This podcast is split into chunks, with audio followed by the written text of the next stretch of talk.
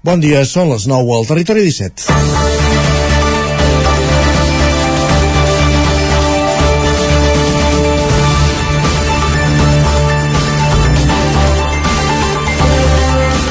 Tona s'ha sumat aquest cap de setmana, aquest dissabte, als municipis d'Osona i el Ripollès que han restituït la memòria dels seus veïns represaliats pel règim franquista durant i després de la Guerra Civil Espanyola. Una, recer una recerca de l'historiador Carles Puigferrat ha identificat fins a 32 persones amb vincles a Tona que van ser sotmeses a judici sumaríssim, quatre de les quals van ser executades. La majoria d'elles van seguir el mateix patró. Van ser denunciades per la milícia de Tona de la Falange Espanyola Tradicionalista i de les Jons i van acabar a la presó model de Barcelona. Rere cadascuna d'aquestes 32 persones hi ha una història i les històries són molt importants, tal com recordava dissabte Antoni Font, director general de Memòria Democràtica de la Generalitat. Històries com la de Jacint Creus, que el seu nebot, que tenia 5 anys, quan va ser empresonat i posteriorment executat, encara té ben present. O com les que no ho van viure en primera persona i s'han traslladat de pares a fills i nets en la intimitat de la família, malgrat el dolor i la recança que provoca parlar-ne. En molts casos, hi ha carrera a les denúncies, de vegades hi havia familiars de sang. Dels represaliats de Tona també mereixen un esment especial les dones que formaven part del comitè de control obrer de la fàbrica d'Estavanell i Païsa i que van ser empresonades arran del conflicte que s'hi va viure. El net d'una d'aquestes re represaliades recordava dissabte al trenar poc casolà de la seva àvia, però molt poc, per no dir res, de l'episodi de la repressió. El sentiment general que hi havia a Tona i arreu dels municipis on s'ha restituït la memòria dels represaliats és que l'anul·lació dels judicis sumaríssims i l'acte de reconeixement arriba tard, quan les víctimes ja no el poden rebre. És cert, però no per tardar s'ha de deixar de fer, com deia l'alcalde de Tona Amadeu Lleupart. Les guerres i els règims dictatorials, com el franquista, posen de manifest la pitjor cara de la condició humana, i malgrat el dolor, fer-ho públic, parlar-ne parlar i restituir el dolor de les víctimes ha de ser el millor antídot per no tornar-hi. És dilluns, 13 de juny de 2022. Comença el Territori 17 a la sintonia d'Ona Codinenca, Ràdio Cardeu, la veu de Sant Joan, Ràdio Vic, el 9 FM i el 9 TV. Territori 17, amb Isaac Moreno i Jordi Sunyer.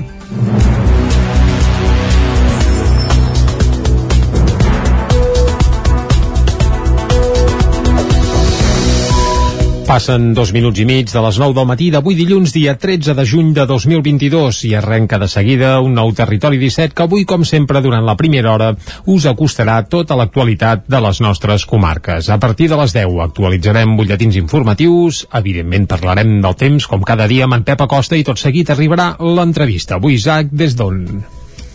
Avui anirem fins a una codinenca amb la Caral Campàs per conèixer detalls d'activitats que es fan a l'entorn d'això, de, de Sant Feliu de Codines, Caldes, el Moianès.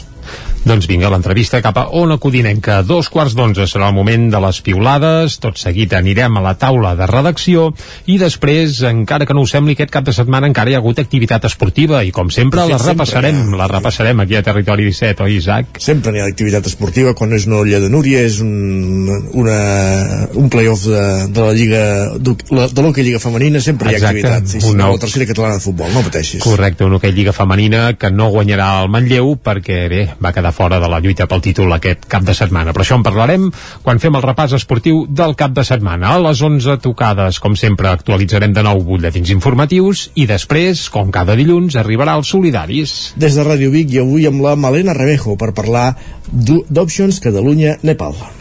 Doncs vinga, els detalls d'aquesta entitat, els solidaris d'avui. Després, com sempre, a dos quarts de dotze, serà el moment de pujar a la R3, a la Trenc d'Alba, i com tots els dilluns, com ho acabarem això? Amb tertúlia esportiva, repassant l'actualitat dels equips de primera divisió, fitxatges, no fitxatges, crisis econòmiques, en fi, de tot plegat en parlarem, crisi sentimental, si cal també, a la tertúlia esportiva just, abans, just a la darrera mitja hora del programa d'avui. Doncs vinga, acabarem amb tertúlia esportiva, però com sempre arrencarem acostant-vos l'actualitat de les nostres comarques. Ja ho sabeu, les comarques del Ripollès, Osona, el Moianès i el Vallès Oriental. El 81% de la població de Vic té accés a un espai obert, el 62% viu en barris on és fàcil desplaçar-se a peu i el 56% té una connectivitat que facilita l'activitat física. Són algunes de les conclusions que es deriven de l'estudi sobre salut i sostenibilitat que la Royal Melbourne Institute of Technology i la Universitat de Vic han fet en 25 ciutats de tot el món, entre les quals hi ha la capital usonenca. La ciutat de Vic ha passat l'examen en salut i sostenibilitat, però ho ha fet amb una assignatura pendent, el transport públic. És una de les conclusions que es deriven de l'estudi que ha liderat la Royal Melbourne Institute of Technology amb la participació de la Universitat de Vic, Universitat Central de Catalunya. Aquest estudi avalua les ciutats a partir de cinc indicadors, la proximitat al transport públic i als comerços d'alimentació, la capacitat de poder-se desplaçar a peu, la densitat de població, la connectivitat de carrers i també l'accés públic a espais oberts. Les que passen l'examen en totes les modalitats es perfilen al voltant del model de la ciutat de 15 minuts. Escoltem Anna Puig, que és coordinadora del grup de recerca en esport i activitat física de la Universitat de Vic. És a tot arreu que pots desplaçar-te en menys de 15 minuts, que són aspectes bàsics que tu necessites, no? Necessites anar a comprar el pa, necessites, no? Doncs si tu tens tots aquests serveis bàsics del que necessites per la teva vida diària a, a, a 15 minuts caminant doncs és, és, és un indicador doncs, de, de, de, que, bueno, de que pots fer mobilitat activa i fer mobilitat activa, que són petits trossets d'activitat física al llarg del dia és el que incrementa nivells d'activitat física i, i té, acaba impactant positivament la salut de les persones. Aquest estudi l'ha dut a terme un equip de 80 investigadors de 25 ciutats i 19 països d'arreu del món, entre els quals hi ha Vic i Barcelona.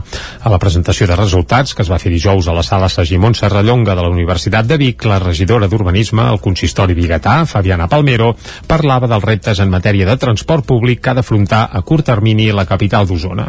El repte que tenim ara com a ciutat, nosaltres som una ciutat que no arribem encara als 50.000 habitants i el transport és un tema molt important perquè no tenim eh, un, una dotació pressupostària per un transport eh, urbà eh, el financem nosaltres mateixos. Llavors estem en un punt que la ciutat necessita apostar pel transport públic però no tenim ajudes per poder consolidar-lo més bé. Si en aquest sentit estem treballant, gràcies per aquestes dades, perquè en som conscients i sabem que ho hem de millorar, ara estem redactant un nou projecte de busos que volem recuperar una concessió que no tenim, a més a més, perquè la concessió és de la Generalitat. Per tant, sabem que hem de millorar les freqüències, sabem que hem d'apostar pel transport públic també a nivell interurbà tot i que a la capital usonenca la proporció de població amb accés al transport públic està per sota la mitjana, segons l'estudi el 81% de biguetans tenen accés a un espai obert, el 62% viu en barris on és fàcil desplaçar-se a peu i el 56% té una bona connectivitat que facilita l'activitat física. A l'altra banda de la balança hi ha que només la meitat dels veïns de Vic tenen accés a establiments d'alimentació fresca i que el 24% viu en barris amb una densitat de població més alta que l'adequada. Junts per Catalunya decidirà que dijous qui serà el successor d'ANR com a cap de llista del partit a Vic. L'actual alcaldessa va anunciar dimarts passat que no repetiria com a candidat a l'alcaldia. Des del grup municipal tenen clar que el successor o successora ha de sortir del propi partit, tot i que no tanquen la porta que el projecte el lideri un associat. Els noms que es presentaran a votació a l'Assemblea encara no es coneixen, però algunes opcions van agafant força en la travessa, sobretot els que ja formen part de l'actual govern. El nom de Bet Piella, actual regidora de Promoció Econòmica, Comerç i Cultura, és un dels que més força tindria. En aquesta mateixa línia, altres veus, com la de Titi Roca, regidor d'Esports i Fires i Mercats, apunten que si el partit li demanés, ell hi optaria. Núria Oms, regidora de Benestar i Família, seria un altre dels noms propis d'aquesta travessa i en declaracions al 9-9 afirmava que en política res s'improvisa i que primer de tot cal sotmetre's a votació. Qui ha estat número 2 d'R en els darrers dos mandats, Josep Arimany, en canvi, no entra dins les travesses de Junts, tot i que la decisió que es prengui dijous en l'assemblea local del partit, de ben segur que marcarà el seu futur polític. O suma de nou esforços, tot i no compartir militància des d'una posició secundària, o aposta per optar a l'alcaldia amb unes altres sigles. Dijous a la nit s'esveiran alguns d'aquests dubtes. I encara en clau electoral, els alcaldes de Vallfogona, de Ripollès i les Llosses són els únics que no es tornaran a presentar després d'estar només 4 anys al càrrec. Isaac Muntades, des de la veu de Sant Joan. Ni l'alcalde de Vallfogona de Ripollès, Eduard Ramon, i el de les Llosses, Andreu Llimós, es tornaran a presentar a les eleccions municipals de l'any vinent. El 2019 van entrar a l'alcaldia sota el paraigua d'Esquerra Republicana de Catalunya i van ser els candidats més votats, ja que en aquests dos micropobles del Ripollès hi ha llistes obertes. Ni Ramon ni Llimós tampoc aniran en cap llista electoral per motius similars. Així ho explicava Ramo. Jo ara mateix em trobo que jo tinc una feina que eh, m'implica viatjar molt, m'implica que estic molt de temps fora al poble, em dedico a televisió i per feina estic dos, tres setmanes fora. I llavors estic cinc dies o sis dies al poble i això també em suposa que no tingui temps per mi. Jo eh, faig l'alcaldia com un servei altruista, jo no cobro per ser alcalde i, i no cobro com a decisió personal del punt de vista que em vaig presentar. Ja era la manera que jo volia donar aquest servei. El Vall de Vallfogoní entén l'alcaldia com un servei al municipi i no com una funció política. Ramo havia estat regidor en l'anterior mandat, però llavors es dedicava a una feina més concreta i fàcil de compaginar i amb menys responsabilitat que l'alcaldia. En el cas de Llimós també hi juguen un paper important els factors laborals i personals, tot i que ell no descarta tornar-se a presentar en un futur quan tingui més temps. L'alcalde Llusenc també juga a bàsquet amb la Unió Esportiva Ripoll i els caps de setmana també li queden ocupats. A banda, hi ha altres coses que l'han desgastat. Hi ha gent que desgasta molt, a més a més en un poble petit tothom té el teu telèfon, i et truquen al fixe de casa, i et truquen al mòbil, i et truquen amb hores que no t'han de trucar, i a vegades eh, són per coses que no... Vull dir, si és una cosa de vida o mort, m'has de trucar, vés a saber a quina hora, pues vale. O hi ha coses que no haurien de ser així i per desgràcia ho són. A part que s'ha burocratitzat molt la cosa, ja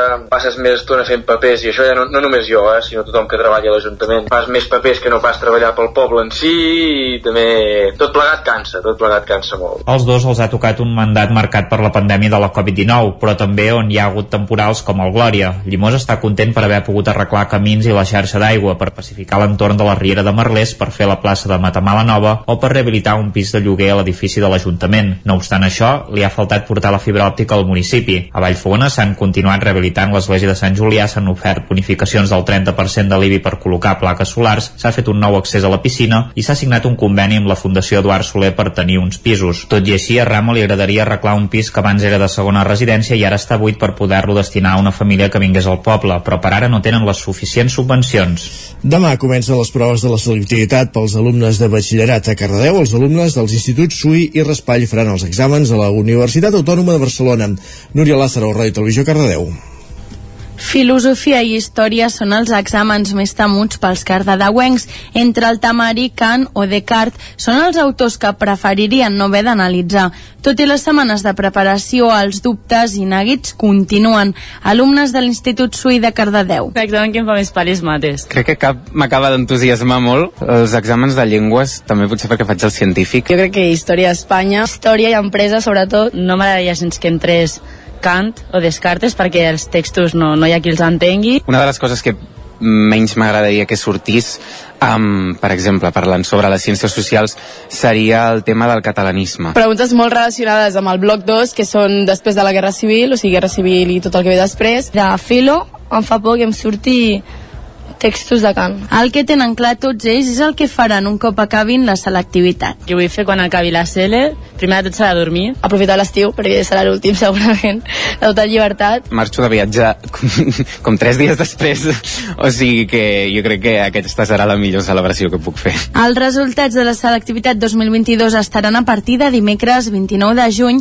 i fins l'1 de juliol es podran demanar al tribunal una revisió dels exàmens. Els resultats finals es publicaran el 8 de juliol i a Osona seran 800 alumnes els que se sotmeten als exàmens de la selectivitat. La prova pels alumnes d'aquesta comarca es tornarà a fer a les instal·lacions de la Universitat de Vic. Aquest any, però, s'utilitzarà la meitat d'aules que l'any passat per la reducció de les mesures anticovid. Hem parlat amb un grup d'estudiants de Balanyà per veure com es preparen. La Laura, la Maria, l'Eudal, la Júlia i en Miquel ja fa dies que es troben al voltant d'una taula plena de punts i ordinadors portàtils. Són 5 dels 800 alumnes de segon de batxillerat d'Osona que de dimarts a dijous se sotmetran a les proves d'accés a la universitat. Trobar-se per estudiar els va bé per dues coses, resoldre dubtes o senzillament fer-se companyia. Escoltem a Eudal Puig. Bueno, sí, quedem de tant en tant, eh, estudiem i entre tots, vulguis o no, perquè potser si estàs a casa sol, doncs potser se't fa una mica avorrit, però entre tots, eh, si tens qualsevol dubte o qualsevol cosa, doncs entre tots ens ho, ens ho fem. La Laura, per exemple, vol estudiar educació infantil. Per això té clar que aquests dies haurà de fer un esforç estudiant i dedicant-hi hores. Laura Mora. Vull estudiar educació infantil i bueno, necessito un nou com a algo que és assequible però també tinc por. Una mica més complicat ho té Miquel Giol, que necessita treure un 11, recordem que no va sobre 10 això, eh, sinó sobre 14, per accedir a la carrera de comunicació audiovisual. Per, a mi m'agradaria fer comunicació audiovisual eh, i necessitaria un 11, però ho veig una mica difícil eh, i llavors segurament aspiraré a, a també anar a Vic llavors, bueno, és això la nota és molt alta en pública i, i és, el que, és el que hi ha A tots cinc l'esclat de la pandèmia els va enganxar acabant l'ESO, els dos anys més crítics de la crisi sanitària, per tant, els han coincidit amb els dos cursos de batxillerat i amb un vaivé de mesures, classes híbrides i, confina i confinaments. Escoltem en aquest sentit a Júlia Romeu. Jo, per exemple, primer vaig haver de fer l'artístic i a l'escola que anava um, fèiem un dia sí, un dia no de classe. I llavors um, costava molt agafar el batxillerat perquè anar un dia sí, un dia no mm, és molt difícil. Les proves que es faran a Vic seran a, la a les instal·lacions de la Universitat Bigatana amb un format molt similar al d'abans de la pandèmia i amb 25 aules habilitades, la meitat que l'any passat. El gran gruix d'alumnes s'examinaran al campus de Miramarges, tot i que es mantindrà un tribunal a Can Bauman. La vuitena edició de la Universitat d'Estiu del Moianès obre inscripcions amb ganes de tornar a la normalitat després de dos anys de pandèmia. Una codinenca, Caral Campàs. Els cursos organitzats amb el suport del Consell Comarcal del Moianès i la Universitat Ramon Llull tornen a la normalitat. Maria Baqués, coordinadora de la Universitat d'Estiu, explicava que recuperen alguns dels cursos més emblemàtics. A un curs que era un curs estrella que veníem fent, que és el de la intel·ligència emocional. Aleshores, pràcticament hem recuperat les, els professors, les persones que tenien previst que ja venir fa dos anys, que no es va poder, no es va poder fer. Altres cursos que tornen a la universitat són els tallers tallers d'art i les sessions de Mindfulness. En canvi, la pandèmia va obligar a innovar nous formats que van arribar per quedar-se, com les sessions de patrimoni amb visites guiades, aquest any dedicades a l'arquitectura contemporània. En canvi, sí que aquests dos anys de Covid hem pogut fer cursos a l'aire lliure i això doncs evidentment hem après molt. A matí d'aquesta primera setmana el que fem és eh, el tema de patrimoni. Però és molt interessant el que fem un any perquè agafem edificis eh, eh, del Moianès, edificis emblemàtics fets per autors, per, per arquitectes doncs, coneguts. En aquest curs de patrimoni es visitaran tant edificis emblemàtics com la fàbrica Sauleda d'Olor com de recent creació com el Parc de Bombers de Mollà. Una xerrada col·loqui amb l'actor Joan Pera serà el plat fort d'aquesta edició que s'allargarà durant tota la primera quinzena de juliol. Doncs amb aquesta informació de Caral Campàs és una codinenca veiem aquest repàs informatiu que començàvem a les 9 en companyia també d'Isaac Montades, Núria Lázaro i Jordi Sunyer. Moment ara de saludar en Pep Acosta.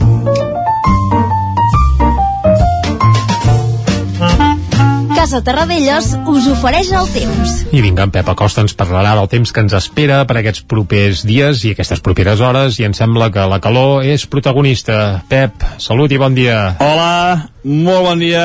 I bona hora. Per fi és dilluns, comença una nova setmana ja en ple mes de juny, la setmana de l'any amb més hores de sol, eh, tindrem moltíssimes, moltíssimes hores eh, diurnes aquesta setmana i ho fem després d'un cap de setmana amb unes temperatures del tot inacceptables per l'època de l'any.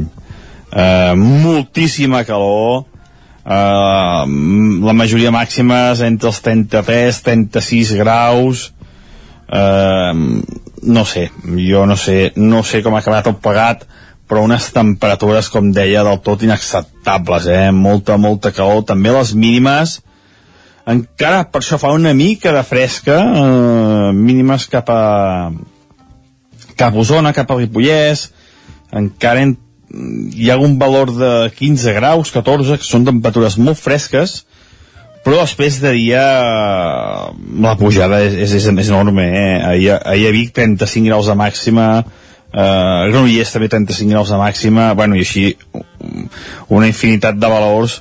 Això entre els 33, 34, 35 graus. Eh, ben bé un, un 7, 8 graus més alts del que hauria de ser en aquesta època de l'any. És que una calor totalment desfassada no sé, jo, jo, jo no sé no sé ja com ha quedat el plegat.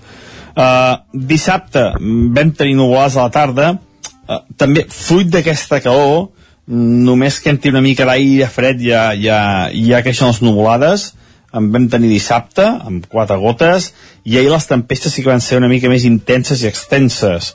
Uh, uns 15-20 litres cap a Ter també cap a Núria 15-20 litres uh, cap al Pirineu això, eh, uns 15-20 litres ahir de tarda en algun lloc menys pluja i no, no van anar més cap al sud, es van concentrar les tempestes del Pirineu, eh, a Ripollès i poder quatre gotes van arribar al nord d'Osona, però poca, poca cosa fora del, del Pirineu, eh, típiques tempestes d'estiu, fruit de la mateixa calor d'una mica entrar l'aire fred eh, que provoquen aquestes, com deia, aquestes tempestes. I anem pel dia d'avui, que tornarà a ser un altre dia de moltíssima calor, jo crec que és una, una onada d'aire fred, perquè més durarà molts dies, sembla els mapes mm, mm, cada vegada que veig un mapa eh, sembla que duri més dies aquesta onada de calor i avui no serà una obsessió ni molt menys, tindrem moltíssima calor, molta estabilitat aquest matí, de cara a la tarda creixen nuvolades, eh, jo crec que més o menys plourà els mateixos jocs que ahir, tot i que pot ploure una mica més encara, una mica més, eh, una, més una mica més extenses les tempestes i poden arribar una mica més al sud a la comarca a Osona, poder fins a fins a Vic o fins a una mica més al sud, eh? eh al nord del Mollanès poder també, eh, però vaja, seran tempestes eh, poc importants fora del Pirineu. El Pirineu sí que poden acumular novament entre 10, 15, 20 litres. Els vents febles, però de direcció una mica sud eh, hi ha aquesta bombolla d'aire calent que la tenim ben bé a sobre. I això és tot. A disfrutar el dia d'avui, a disfrutar aquesta setmana, la setmana més hores diurnes de l'any i una setmana que serà una autèntica onada de calor eh, amb unes temperatures molt, molt altes. Moltes gràcies, adeu. Doncs au, onada de calor. Boniques paraules, sí. Sí, sí, ens anima molt i molt de cara a enfrontar aquesta setmana. Doncs va, amb fresca, si més no la que tenim aquí dins els estudis, anem cap al guió. Vinga. Casa Tarradellas us ha ofert aquest espai. Anem a saber què diuen els diaris avui a les seves portades. És dilluns, comencem per les portades del 9-9. Correcte, i arrenquem per l'edició d'Osona i el Ripollès que titula Febre de festivals. Per què? Doncs perquè aquest cap de setmana hi va haver el Cabró Rock de Vic, un Cabró Rock que va reunir prop de 12.000 persones en la seva segona edició. Recordem que una de les edicions es va cancel·lar per Covid, per tant aquest any va ser tot just la segona i que hi havia un cartell d'autèntic luxe amb Manel, Oques Grasses, els Catarres, Doctor Prats, Detallet, Sopa de Cabra, etc etc. Més coses, eh, no només hi ha el Cabró Rock, i és que hi ha previstos una quinzena de certàmens musicals a Osona, el Ripollès i el Moianès per aquest estiu. Per tant, el Cabró Rock encetava aquest de vassall de festivals, però en vindran molts més durant els mesos d'estiu. Més coses que apareixen a la portada del 9-9 d'Osona i el Ripollès, derrota del Manlleu, que queda fora de la lluita pel títol de l'Hockey Lliga femenina, uns 600 atletes a l'Olla de Núria i també una entrevista a Anna R, en la primera que concedeix després d'anunciar que deixarà l'alcaldia, apunta que hi ha diversos regidors de l'actual equip de govern que podrien ser candidats. Això ho afirma Anna R en aquesta entrevista. Anem cap al 9-9 del Vallès Oriental. El titular principal és per l'estat espanyol que farà el reclamat enllaç de la C-17 i l'AP7 a Parets per posar fi a les cues que hi ha a Mollet. El Ministeri diu també assumirà el tercer carril entre Montmeló i Mollet. La fotografia, però, no és per l'AP7 ni la C-17, sinó per Mireia Dioniso, que bé sosté la vara d'alcaldessa i la va rebre de mans de Josep Monràs. Mireia Dioniso, que serà la nova alcaldessa de Mollet del Vallès, i Josep Monràs, que abandona l'alcaldia quan falta un any precisament pels comicis. Més coses que apareixen a la portada del 9-9 del Vallès Oriental, el Club Bàsquet Granollers a la Lliga EVA, i és que aquest diumenge va guanyar la final a 4 de la Copa Catalunya de bàsquet, i això li dona una plaça a la Lliga EVA per la temporada que ve. També bon nivell de les colles a la trobada castellera de Caldes de Montbui, una trobada que es va fer aquest cap de setmana, i també veiem que dos expolicies locals de Sant Antoni condemnats per amenaçar un vigilant. I anem cap a les portades d'àmbit nacional. Isaac, i comencem pel punt avui. Va. Va, a titular principal, dret efectiu a l'avortament. Aquest és el titular principal del punt avui. El moviment feminista celebra la nova llei però vol més recursos i concreció. La fotografia no és pel dret a l'avortament, sinó per les cues a l'AP7. I des del punt avui ja apunten que retencions malgrat les mesures. No hi va haver els col·lapses del cap de setmana passat, que recordem que era de 3 dies, també cal tenir-ho eh, present, però tot i així sí que hi va haver eh, embussos ahir ahir en l'operació retorn eh, en aquesta via. Anem cap a l'ara. El titular principal, la pressió policial foragita els manters de Barcelona. Prop de 800, en que, de prop de 800 que n'hi havia, en queden una vintena segons la Guàrdia Urbana de Barcelona i els últims venedors expliquen que molts ara van a d'altres poblacions per evitar precisament el setge que, que veuen a Barcelona. També l'estiu més prematur, calor, sequera i boscos en perill. I tenint en compte el que ens ha dit en Pep Acosta, que s'acosta una onada de calor, és evident que aquests dies haurem d'estar molt al cas i ser molt prudents i sobretot eh, vigilar perquè el perill d'incendis forestals és molt i molt elevat i més que ho serà si fa aquesta calorada.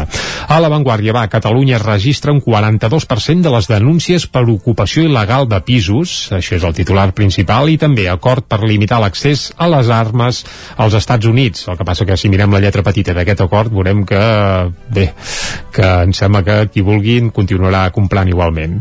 El periòdico és curiós avui perquè totes les capçaleres tiren per titulars diferents. Eh?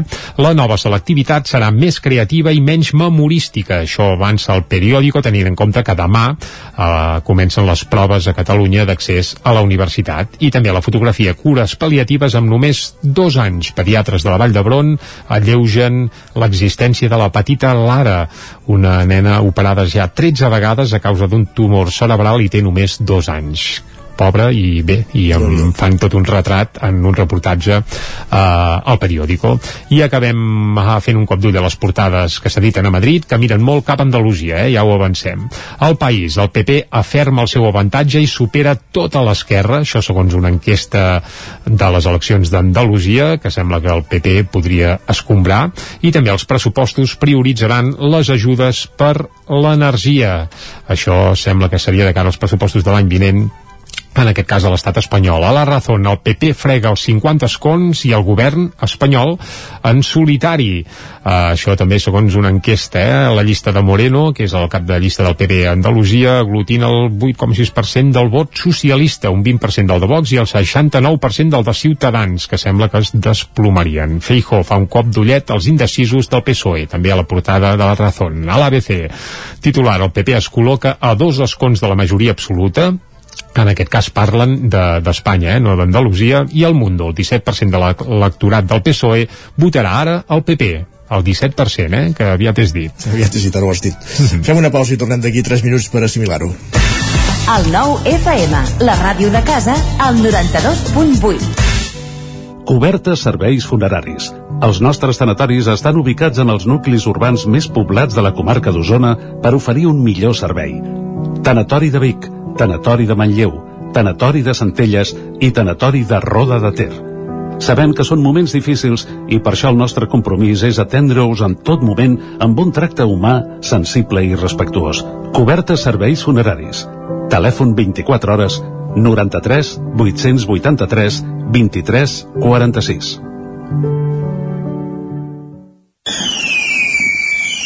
Ja tenim aquí la rebella de Sant Joan. Prepara't! A Manli seleccionem el millor en pirotècnia, bateries, bengales, trons, coets, els millors preus, ofertes tots els dies de rebella i tot l'any. Visiteu el catàleg a manli.cat. Manli, al carrer Ramon Soler, telèfon 93 889 0484. Vic, Sant Joan, ja és aquí.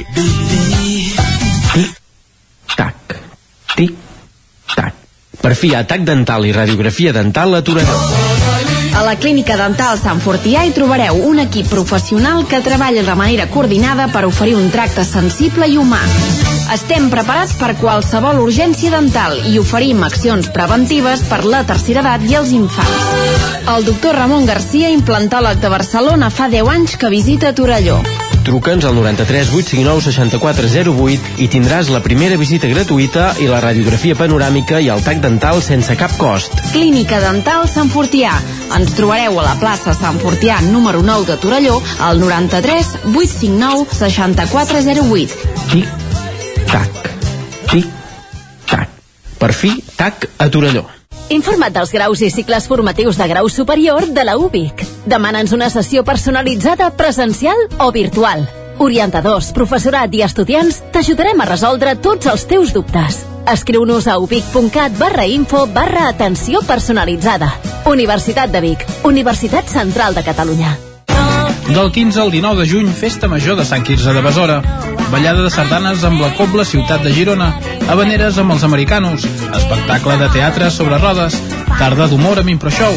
Carpa jove amb DJ Capde. I fi de festa amb Castell de Focs. Més informació a jsanquirze.cat. Anuncia't al 9FM. La màquina de casa. 9 3 8 8 9 4 9 4 9. Publicitat arroba al 9FM.cat. Anuncia't al 9FM. La publicitat més eficaç.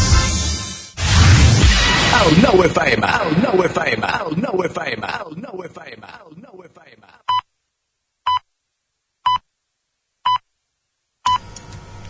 En punt, dos quarts de deu al territori 17. Territori 17, amb Isaac Moreno i Jordi Sunyer.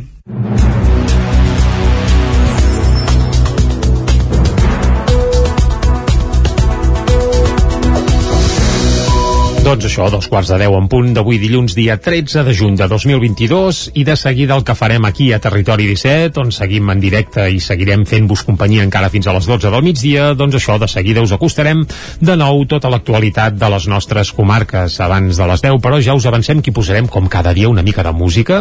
I avui estrenarem eh, el més nou d'un grup de Sant Quirze de Besora, que es diuen Pop, així és escrit amb P-O-B baixa, un nom ben curiós, eh, ja han estrenat una peça i un videoclip eh, aquesta setmana, un videoclip també molt curiós on apareixen escenes que a algú li seran familiars, però Carai. ho deixem aquí, ho deixem aquí. Uh, això ho escoltarem una mica abans de les 10.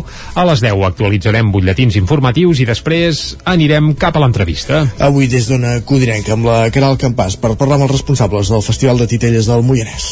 Doncs vinga, tots els detalls d'aquest festival a l'entrevista. A dos quarts d'onze serà el moment de les piulades. Tot seguit passarem per la taula de redacció i ens tocarà parlar d'esports. Correcte, farem un repàs a com ha anat aquest cap de setmana esportivament parlant amb els diferents compromisos que hi havia pendents a, al territori 17. L'Olla de Núria, el Playoff de l'Hockey Lliga Femenina, etc, la tercera catalana de futbol, etc etc etc. Vinga, a les 11 actualitzarem de nou butlletins informatius i tot seguit, solidaris des de Ràdio Vic i amb la Malena Ramajo per parlar avui d'Options Catalunya-Nepal, l'entitat que descobrirem als solidaris. Molt bé, doncs estarem al cas. Després, a dos quarts de dotze, com cada dia, ens tocarà pujar al tren, a la R3, a la Trenc d'Alba, i després som dilluns, vol dir que acabarem fent la patà sobre actualitat esportiva, eh? però de caràcter general. Eh? Exacte, amb l'Isaac Montades, en Lluís de Planella, en Guillem Freixa, doncs tocarem l'actualitat futbolística de la primera divisió i d'altres satèl·lits que hi hagi a l'entorn, fins a arribar al punt de les 12.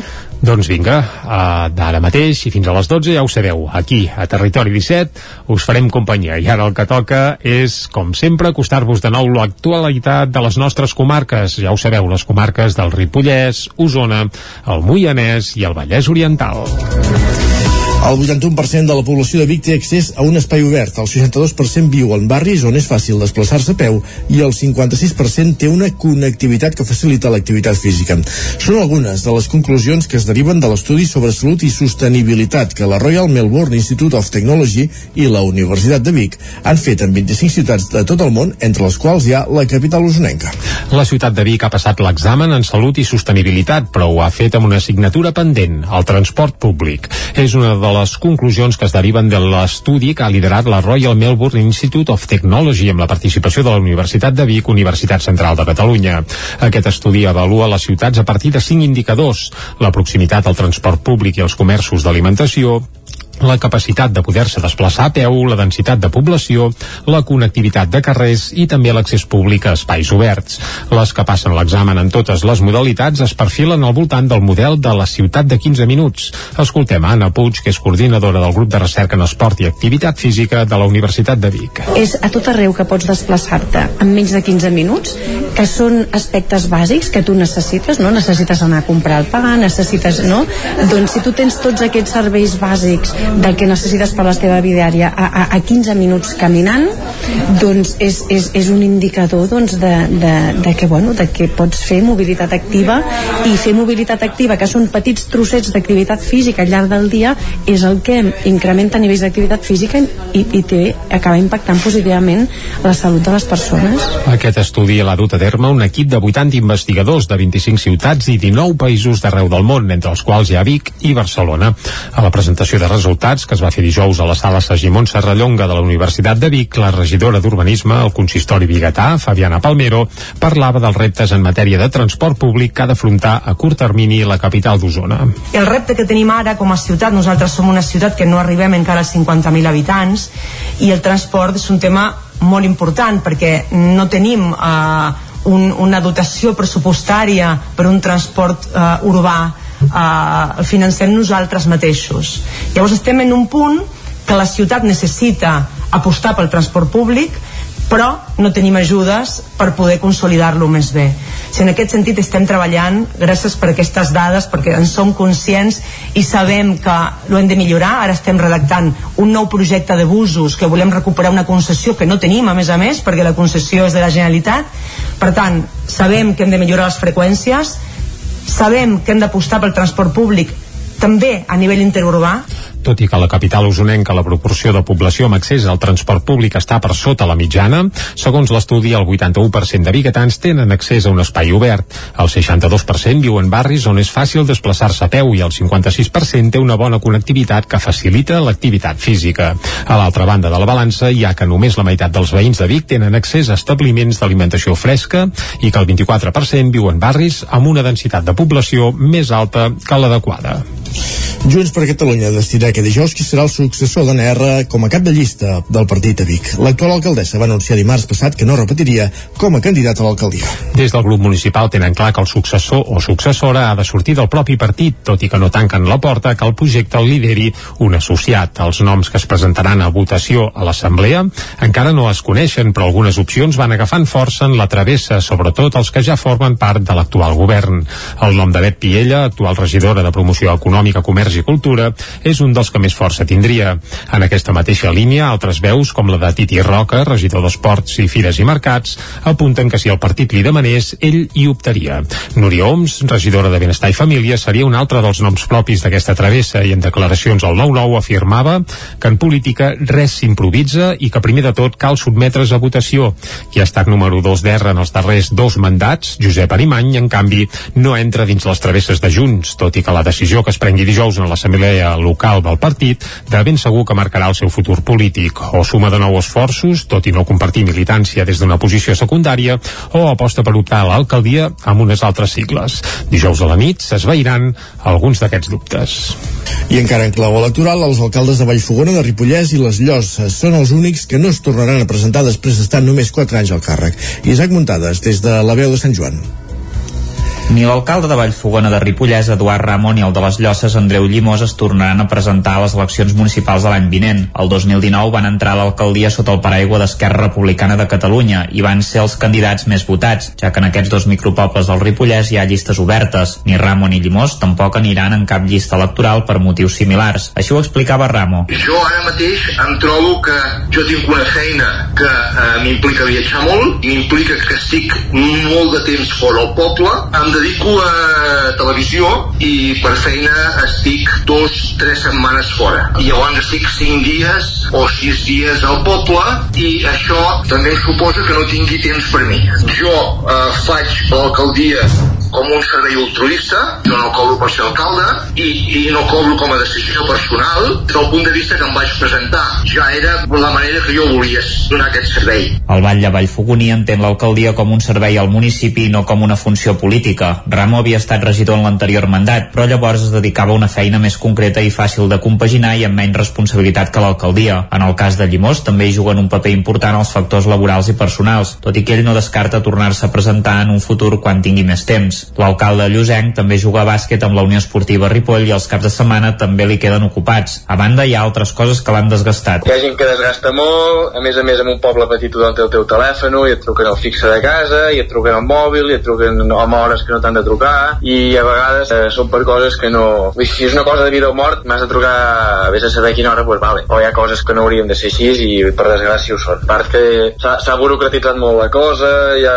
passes més estona fent papers i això ja no, no només jo, eh, sinó tothom que treballa a l'Ajuntament. Fas més papers que no pas treballar pel poble en si i també tot plegat cansa, tot plegat cansa molt. Als dos els ha tocat un mandat marcat per la pandèmia de la Covid-19, però també on hi ha hagut temporals com el Glòria. Llimós està content per haver pogut arreglar camins i la xarxa d'aigua, per pacificar l'entorn de la Riera de Merlès, per fer la plaça de Matamala Nova o per rehabilitar un pis de lloguer a l'edifici de l'Ajuntament. No obstant això, li ha faltat portar la fibra òptica al municipi. A Vallfogona s'han continuat rehabilitant l'església de Sant Julià, s'han ofert bonificacions del 30% de l'IBI per col·locar plaques solars, s'ha fet un nou accés a la piscina i s'ha signat un conveni amb la Fundació Eduard Soler per tenir uns pisos. Tot i així, a Ramo li agradaria arreglar un pis que abans era de segona residència i ara està buit per poder-lo destinar a una família que vingués al poble, però per ara no tenen les suficients subvencions. Demà comencen les proves de la selectivitat pels alumnes de batxillerat a Cardedeu. Els alumnes dels instituts Sui i Raspall faran els exàmens a la Universitat Autònoma de Barcelona. Núria Lázaro, Ràdio Televisió, Cardedeu. Filosofia i història són els exàmens més temuts pels cardedeuencs. Entre el Tamari, Kant o Descartes són els autors que preferirien no haver d'analitzar. Tot i les setmanes de preparació, els dubtes i neguits continuen. Alumnes de l'Institut Sui de Cardedeu. L'examen que em fa més pares mates. Crec que cap m'acaba d'entusiasmar molt. Els exàmens de llengües, també potser perquè faig el científic. Jo crec que història d'Espanya, història i empresa sobretot, no m'agradaria sense que entrés Kant o Descartes perquè els textos no, no hi ha qui els entengui. Una de les coses que menys m'agradaria que sortís um, per exemple, parlant sobre les ciències socials seria el tema del catalanisme Preguntes molt relacionades amb el bloc 2 que són després de la Guerra Civil o sigui, Guerra Civil i tot el que ve després de Filo em fa por que em surti textos de Kant. El que tenen clar tots ells és el que faran un cop acabin la selectivitat. Jo vull fer quan acabi la CL, primer de tot serà dormir. Aprofitar l'estiu, perquè serà l'últim segurament, de tota llibertat. Marxo de viatge com, com tres dies després, o sigui que jo crec que aquesta serà la millor celebració que puc fer. Els resultats de la selectivitat 2022 estaran a partir de dimecres 29 de juny i fins l'1 de juliol es podran demanar al tribunal una revisió dels exàmens. Els resultats finals es publicaran el 8 de juliol i a Osona seran 800 alumnes els que se sotmeten als exàmens de la selectivitat. La prova pels alumnes d'aquesta comarca es tornarà a fer a les instal·lacions de la Universitat de Vic. Aquest any, però, s'utilitzaran la meitat d'aules que l'any passat per la reducció de les mesures anticovid. Hem parlat amb un grup d'estudiants de Balanyà per veure com es preparen. La Laura, la Maria, l'Eudal, la Júlia i en Miquel ja fa dies que es troben al voltant d'una taula plena de punts i ordinadors portàtils. Són 5 dels 800 alumnes de segon de batxillerat d'Osona que de dimarts a dijous se sotmetran a les proves d'accés a la universitat. Trobar-se per estudiar els va bé per dues coses, resoldre dubtes o senzillament fer-se companyia. Escoltem a Eudal Puig. Bueno, sí, quedem de tant en tant eh, estudiant i entre tots, vulguis o no, perquè potser si estàs a casa sol, doncs potser se't fa una mica avorrit, però entre tots, eh, si tens qualsevol dubte o qualsevol cosa, doncs entre tots ens ho, ens ho fem. La Laura, per exemple, vol estudiar educació infantil, per això té clar que aquests dies haurà de fer un esforç estudiant i dedicant-hi hores. Laura Mora. Vull estudiar educació infantil i bueno, necessito un nou com a algo que és assequible però també tinc por. Una mica més complicat ho té Miquel Giol, que necessita treure un 11, recordem que no va sobre 10 això, eh, sinó sobre 14, per accedir a la carrera de comunicació audiovisual. Però a mi m'agradaria fer comunicació audiovisual eh, i necessitaria un 11, però ho veig una mica difícil eh, i llavors segurament aspiraré a, a també anar a Vic llavors, bueno, és això la nota és molt alta en pública i, i és, el que, és el que hi ha a tots cinc l'esclat de la pandèmia els va enganxar acabant l'ESO, els dos anys més crítics de la crisi sanitària, per tant els han coincidit amb els dos cursos de batxillerat i amb un vaivé de mesures, classes híbrides i, confina i confinaments. Escoltem en aquest sentit a Júlia Romeu. Jo, per exemple, primer vaig haver de fer l'artístic i a l'escola que anava um, fèiem un dia sí, un dia no de classe i llavors um, costava molt agafar el batxillerat perquè anar un dia sí, un dia no mm, és molt difícil a les proves que es faran a Vic seran a, la a les instal·lacions de la Universitat Bigatana amb un format molt similar al d'abans de la pandèmia i amb 25 aules habilitades, la meitat que l'any passat. El gran gruix d'alumnes s'examinaran al campus de Miramarges, tot i que es mantindrà un tribunal a Can Bauman. La vuitena edició de la Universitat d'Estiu del Moianès obre inscripcions amb ganes de tornar a la normalitat després de dos anys de pandèmia. Una codinenca, Caral Campàs.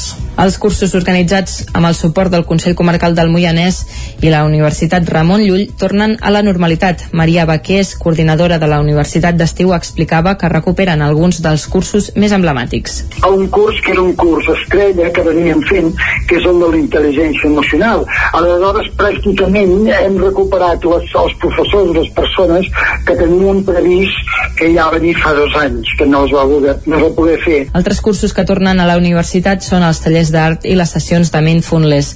En canvi, la pandèmia va obligar a innovar nous formats que van arribar per quedar-se, com les sessions de patrimoni amb visites guiades, aquest any dedicades a l'arquitectura contemporània.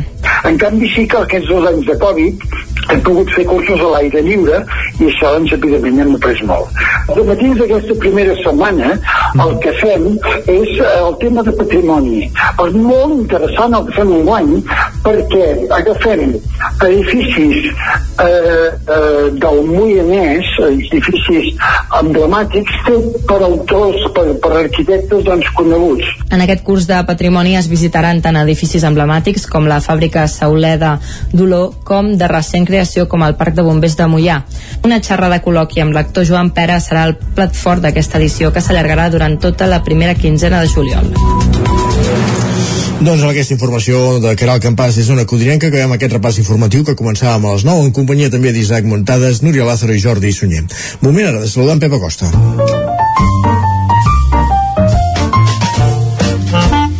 Casa Terradellos us ofereix el temps. I vinga, en Pep Acosta ens parlarà del temps que ens espera per aquests propers dies i aquestes properes hores i em sembla que la calor és protagonista. Pep, salut i bon dia. Hola, molt bon dia.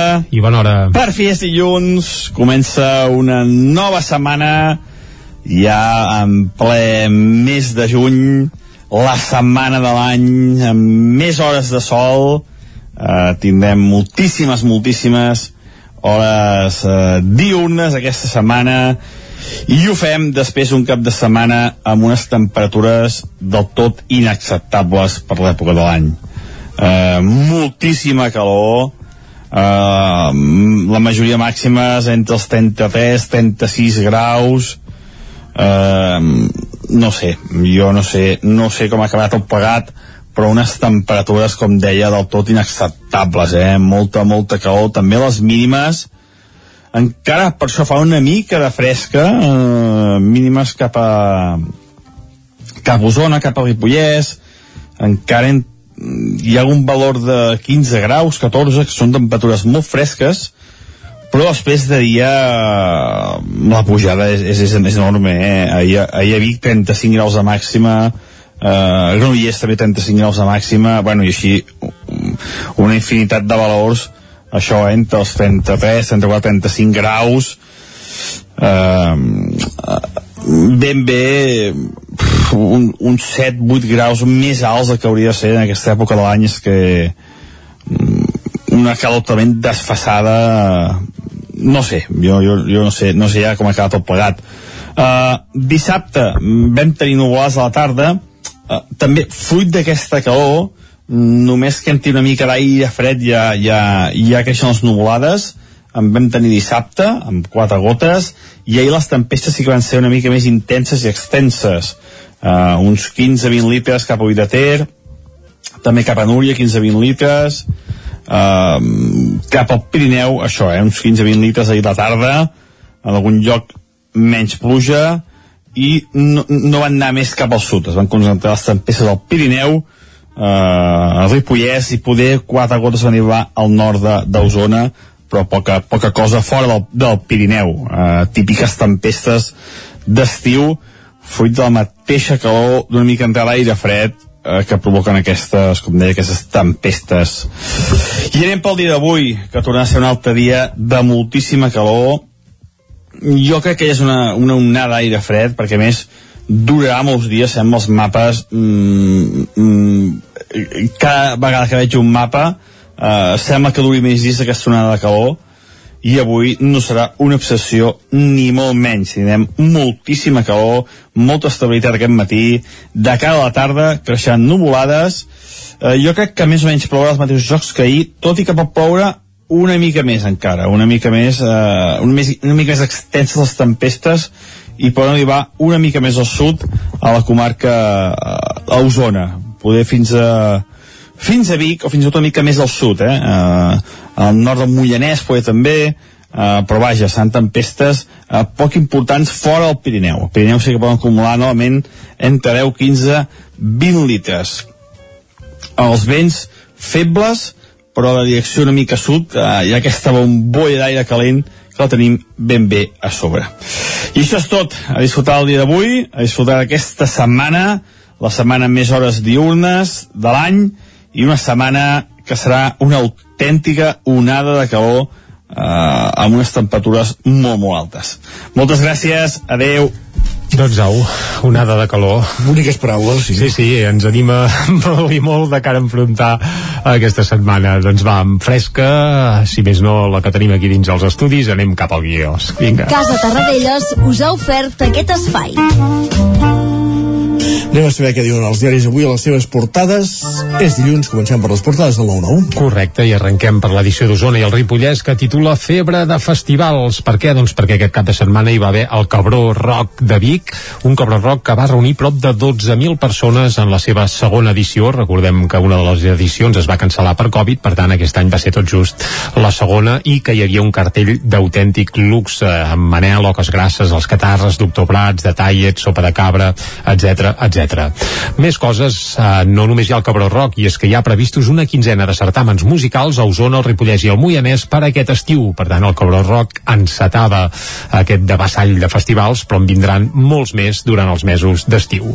Més coses que apareixen a la portada del 9-9 d'Osona i el Ripollès, derrota del Manlleu, que queda fora de la lluita pel títol de l'Hockey Lliga femenina, uns 600 atletes a l'olla de Núria i també una entrevista a Anna R, en la primera que concedeix després d'anunciar que deixarà l'alcaldia, apunta que hi ha diversos regidors de l'actual equip de govern que podrien ser candidats. Això ho afirma Anna R en aquesta entrevista. Anem cap al 9-9 del Vallès Oriental. El titular principal és per l'estat espanyol que farà el reclamat enllaç de la C-17 i l'AP7 a Parets per posar fi a les cues que hi ha a Mollet. El Ministeri diu també assumirà el tercer carril entre Montmeló i Mollet. La fotografia, però, no és per l'AP7 ni la C-17, sinó per Mireia Dioniso, que bé sosté la vara d'alcaldessa i la va rebre de mans de Josep Monràs. Mireia Dioniso, que serà la nova alcaldessa de Mollet del Vallès, i Josep Monràs, que abandona l'alcaldia quan falta un any precisament pels comicis. Més coses que apareixen a la portada del 9-9 del Vallès Oriental, el Club Bàsquet Granollers a la Lliga EVA, i és que aquest diumenge va guanyar la final a 4 de la Copa Catalunya de bàsquet, i això li dona una plaça a la Lliga EVA per la temporada que ve. També bon nivell de les colles a la trobada castellera de Caldes de Montbui, una trobada que es va fer aquest cap de setmana i també veiem que dos expolicies locals de Sant Antoni condemnats per amenaçar un vigilant. I anem cap a les portades d'àmbit nacional. Isaac, i comencem pel punt avui. Va. Va, a titular principal, dret efectiu a l'avortament. Aquest és el titular principal del punt avui. El moviment feminista celebra la nova llei però vol més recursos i concreció. La fotografia no és pel dret a l'avortament, sinó per les cues a l'AP7. I des del punt avui ja apunten que retencions malgrat les mesures. No hi va haver els col·lapses del cap de setmana passat, que recordem que era de 3 dies, també cal tenir-ho eh, present, però tot i així sí que hi va haver eh, embussos ahir en l'operació retorn eh, en aquesta via.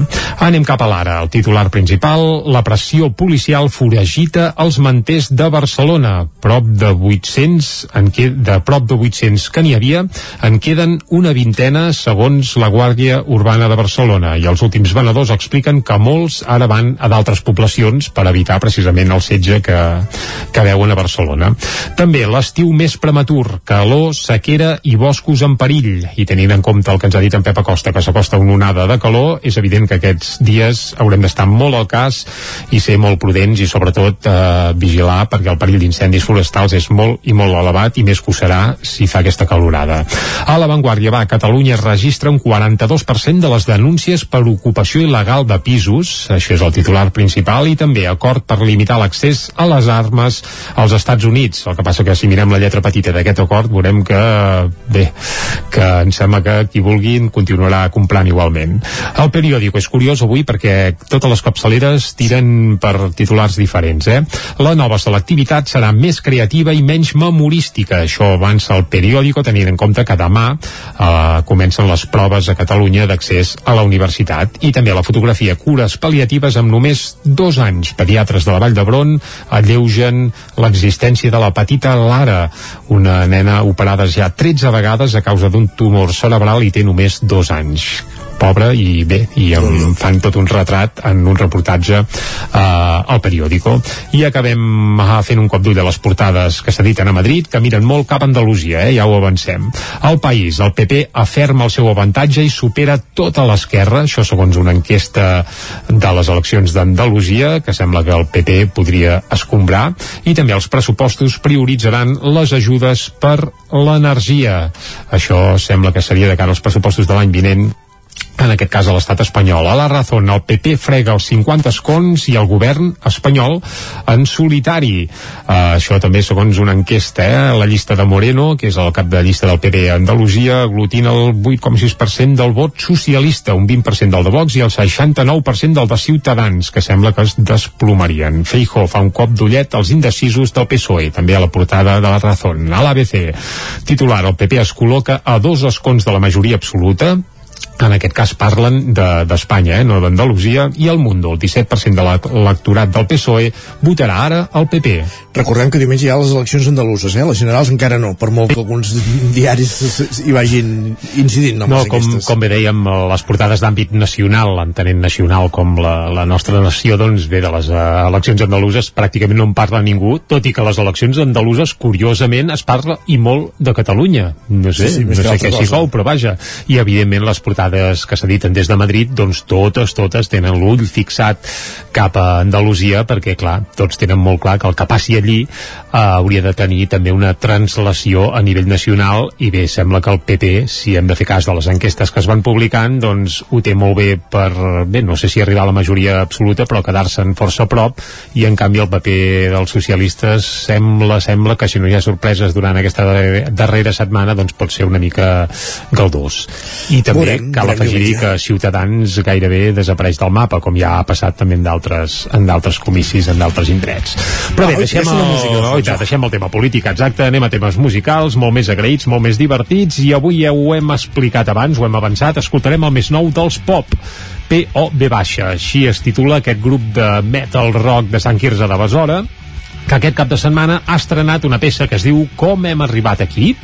Això es pregunten ells mateixos amb aquesta peça, un single que per cert ve acompanyat d'un fantàstic videoclip on hi ha algunes imatges gravades per cert en platós del nou TV. Per ah, tant, carai. tot queda una mica a casa, eh? Uh, per això ens fa gràcia acostar aquesta peça i la veritat és que també es pateguen molt bé i a més a més properament els podrem veure en algun escenari, amb alguna festa major que arrenca ja aquest cap de setmana, com per exemple la mateixa de Sant Quirze de Besora, que la tenim a la cantonada, eh?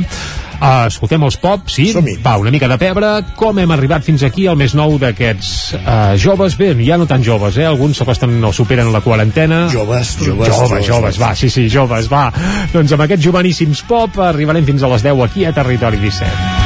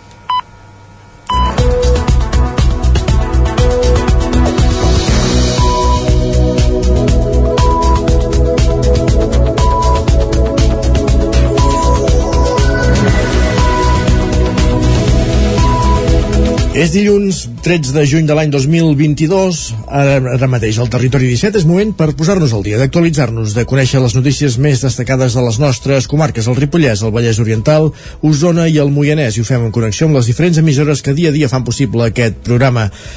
La veu de Sant Joan, Ràdio Cardedeu, Ona Codinenca, Ràdio Vic, el 9 FM i el 9 TV. El jutge accepta tràmit dues demandes de Reca Vidiella per declarar nul el seu acomiadament de Conforça i per assetjament laboral.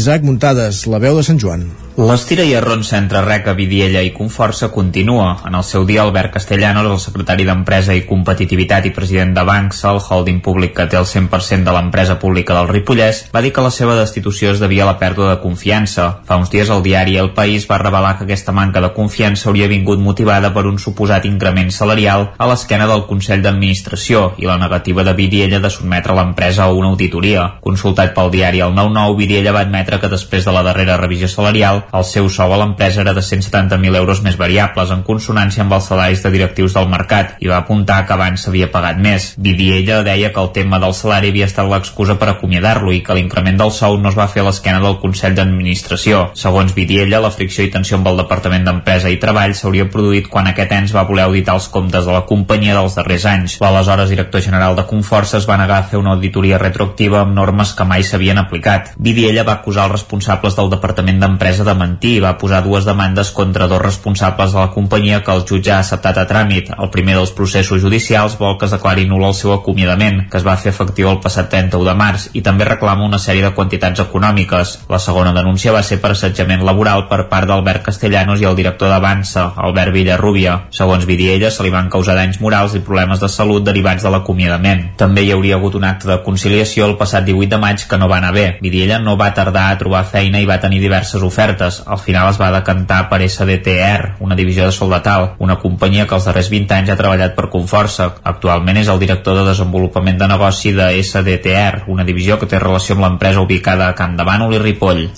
Més qüestions, reducció rècord de l'atur en un mes de maig a Osona des de 2008. A la comarca el mes es va tancar amb 218 persones al mes de maig, volem dir menys a l'atur que a l'abril. Actualment hi ha 6.782 desocupats. Catalunya ha tancat el mes de maig amb una xifra d'atur registrat de 348.027 persones, la dada més baixa en un mes de maig des de l'any 2008. Per comarques a Osona, que des del febrer la dada s'havia consolidat a l'entorn dels 7.000 desocupats, ara s'ha reduït en 218 persones i s'ha situat, per tant, en els 6.782 desocupats.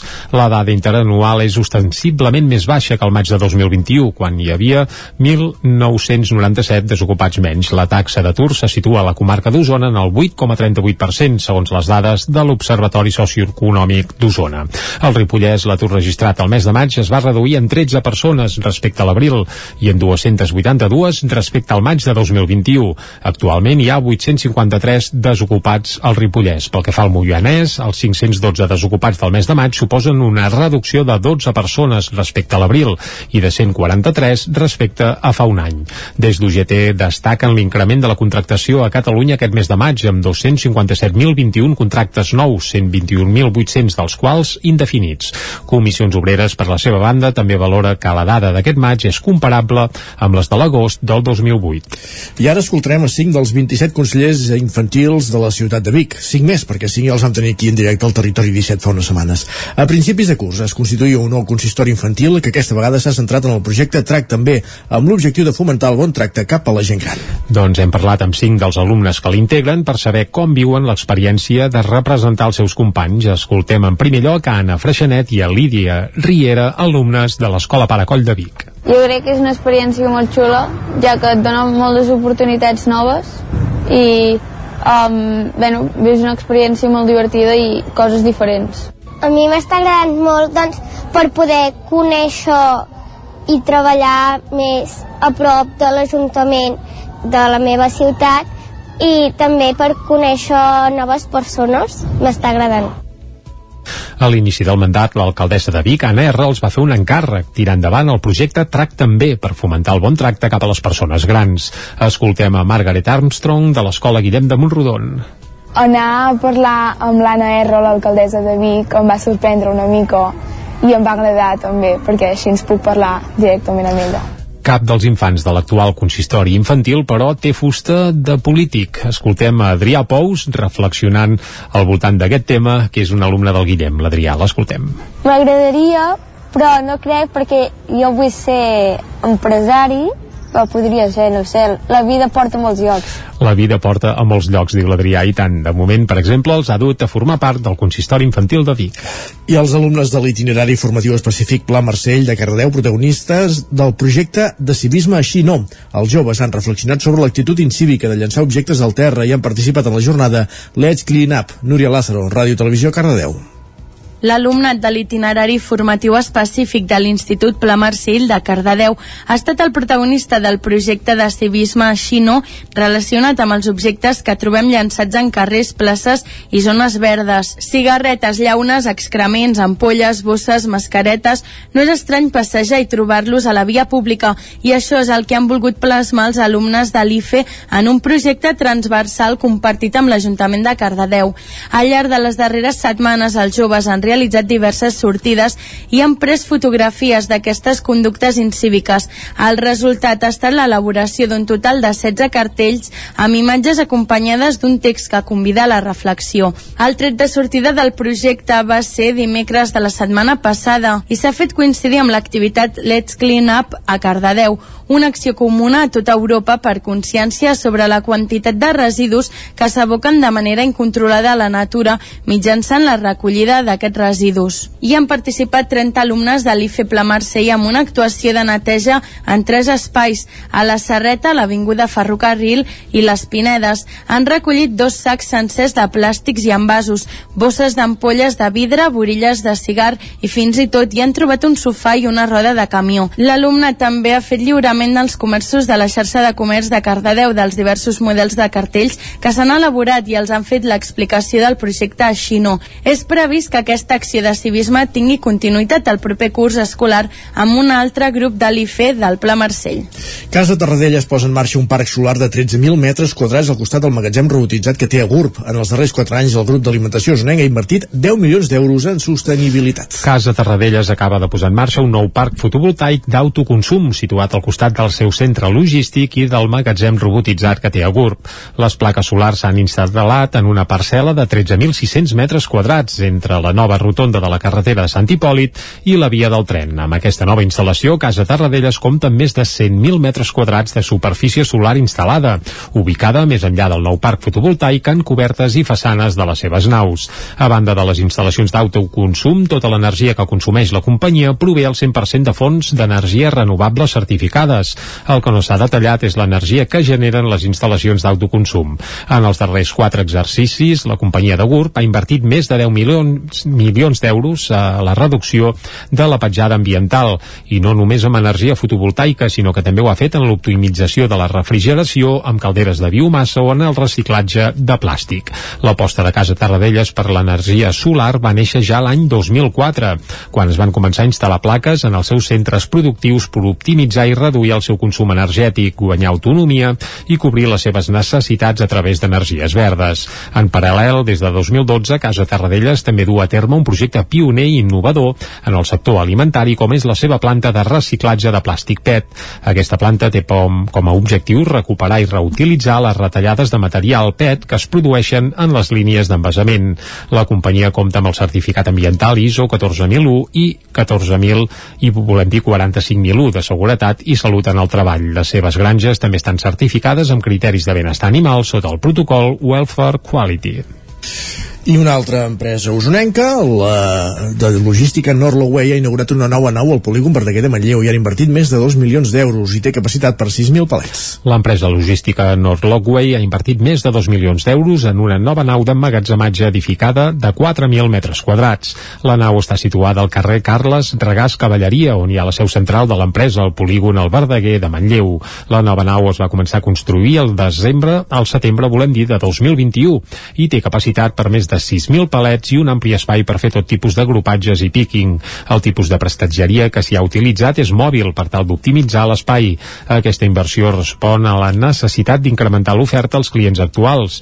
Actualment l'empresa disposa d'altres naus a Osona i des de principis d'any també opera a Can Serra, a l'antiga Prismian de Manlleu, en un espai de més de 30.000 metres quadrats. En total, a la comarca d'Osona, North Lockway té una capacitat de gestió de més de 20.000 palets.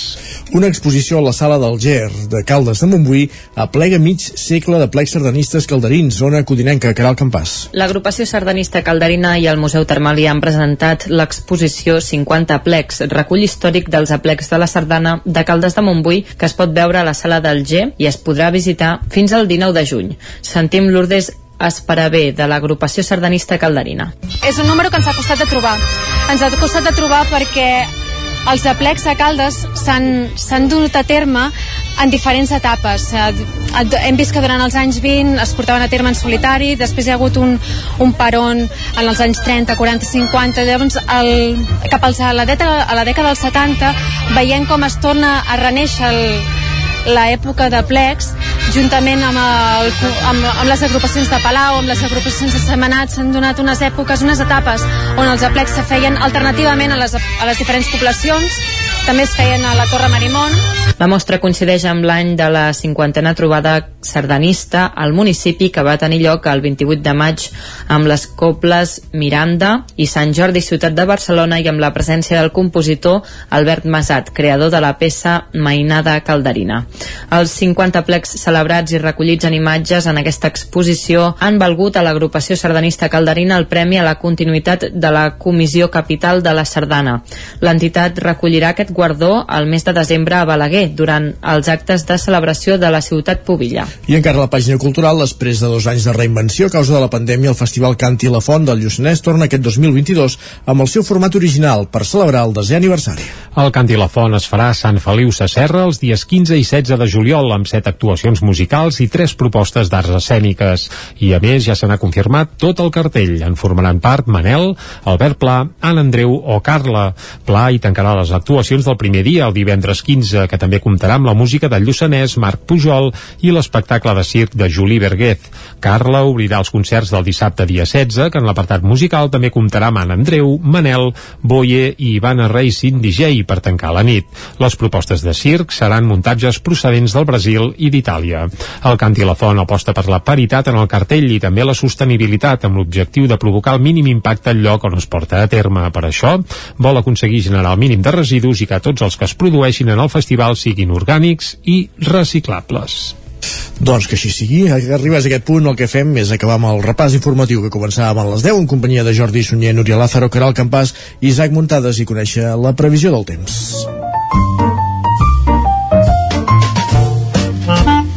Casa Terradellos us ofereix el temps. Una previsió que evidentment ens acosta de nou amb Pep Acosta. Pep, bon dia. Hola, molt bon dia. I molt bona hora. Per fi és dilluns, uh -huh. comença una nova setmana, ja en ple mes de juny, la setmana de l'any, amb més hores de sol, i anem pel dia d'avui, que tornarà a ser un altre dia de moltíssima calor. Jo crec que és una, una onada d'aire fred, perquè més durarà molts dies, sembla els mapes... Mm, mm, cada vegada que veig un mapa eh, sembla que duri més dies aquesta onada de calor i avui no serà una obsessió ni molt menys. Tindrem moltíssima calor, molta estabilitat aquest matí, de cara a la tarda creixen nuvolades, eh, jo crec que més o menys plourà els mateixos jocs que ahir, tot i que pot ploure una mica més encara, una mica més, eh, una, més una mica més extenses les tempestes i poden arribar una mica més al sud a la comarca eh, a Osona, poder fins a fins a Vic o fins a una mica més al sud eh? eh al nord del Mollanès poder també eh, però vaja, seran tempestes eh, poc importants fora del Pirineu el Pirineu sí que poden acumular novament entre 10, 15, 20 litres els vents febles però de direcció una mica sud eh, hi ha aquesta bombolla d'aire calent que la tenim ben bé a sobre i això és tot, a disfrutar el dia d'avui a disfrutar aquesta setmana la setmana amb més hores diurnes de l'any i una setmana que serà una autèntica onada de calor amb unes temperatures molt, molt altes. Moltes gràcies, adeu. Gràcies a tu, Pep, i estarem al cas. Onada de calor aquesta setmana, tot i que avui a la tarda sembla que podria venir remullat, eh, una Bé, mica, que ja- ja, ja, va bé. I tant, i tant. Anem cap a l'entrevista. Anem-hi. Casa Tarradellas us ha ofert aquest espai. Territori 17. Envia'ns les teves notes de veu per WhatsApp al 646 079 023. 646 079 023. WhatsApp Territori 17.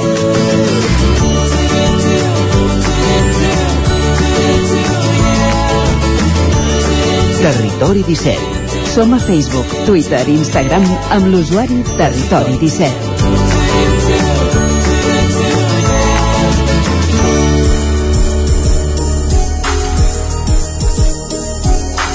Passa pràcticament un minut d'un quart d'onze del matí el dia 24 de juny, el dia de Sant Joan, es donarà el tret de sortida a la sisena edició del Festival de Titelles del Moianès.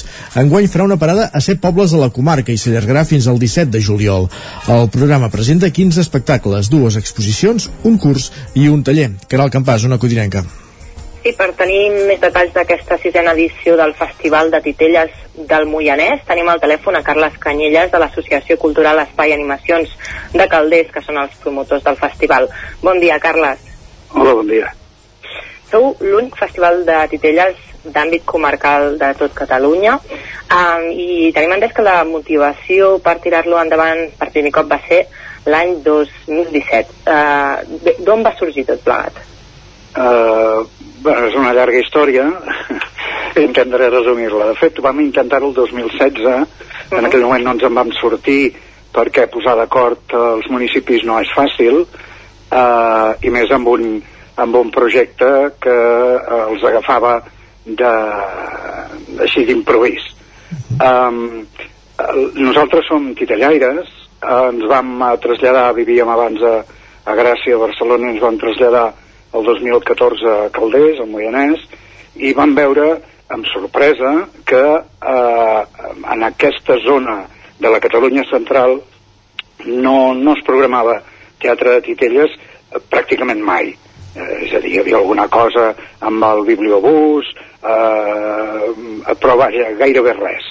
I ens va semblar que una de les nostres missions, diguéssim, arrelats al territori, era eh, donar a conèixer el teatre de Titelles no només en el camp infantil, sinó també el que ja es produeix a Catalunya per a joves i per a adults. I aquest, aquest diguéssim, és el punt de, de sortida de tot plegat. Aquesta ja és la sisena edició, la cinquena s'ha donat encara en context de pandèmia. Com va anar i quines facilitats teniu l'edició d'enguany respecte a la darrera, per entendre'ns?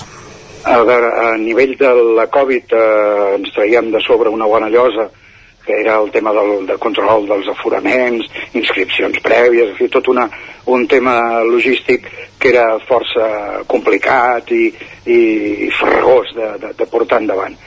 Això, afortunadament, ens ho traiem de sobre eh, i el, el festival guanya, de fet, la temporalitat també que teníem abans, és a dir, les eh, quatre primeres, eh, les tres primeres edicions, perdó, les fèiem eh, com ara, just després de Sant Joan, és a dir, inici de vacances escolars, eh, per tant és un moment que encara teòricament no havia de fer tanta calor, eh, però que amb el tema del Covid ja en la, en la quarta edició del 2020, que per tant ja estàvem en, en plena pandèmia, eh, vam haver d'endarrerir, perquè de fet va estar a punt de, de suspendre's el festival, eh, perquè ens va agafar, diguéssim, com a tothom, de sorpresa i a més a més eh, bueno, vam tenir, jo mateix vaig acabar vaig tenir eh, la Covid i vaig estar tres mesos i mig ingressat.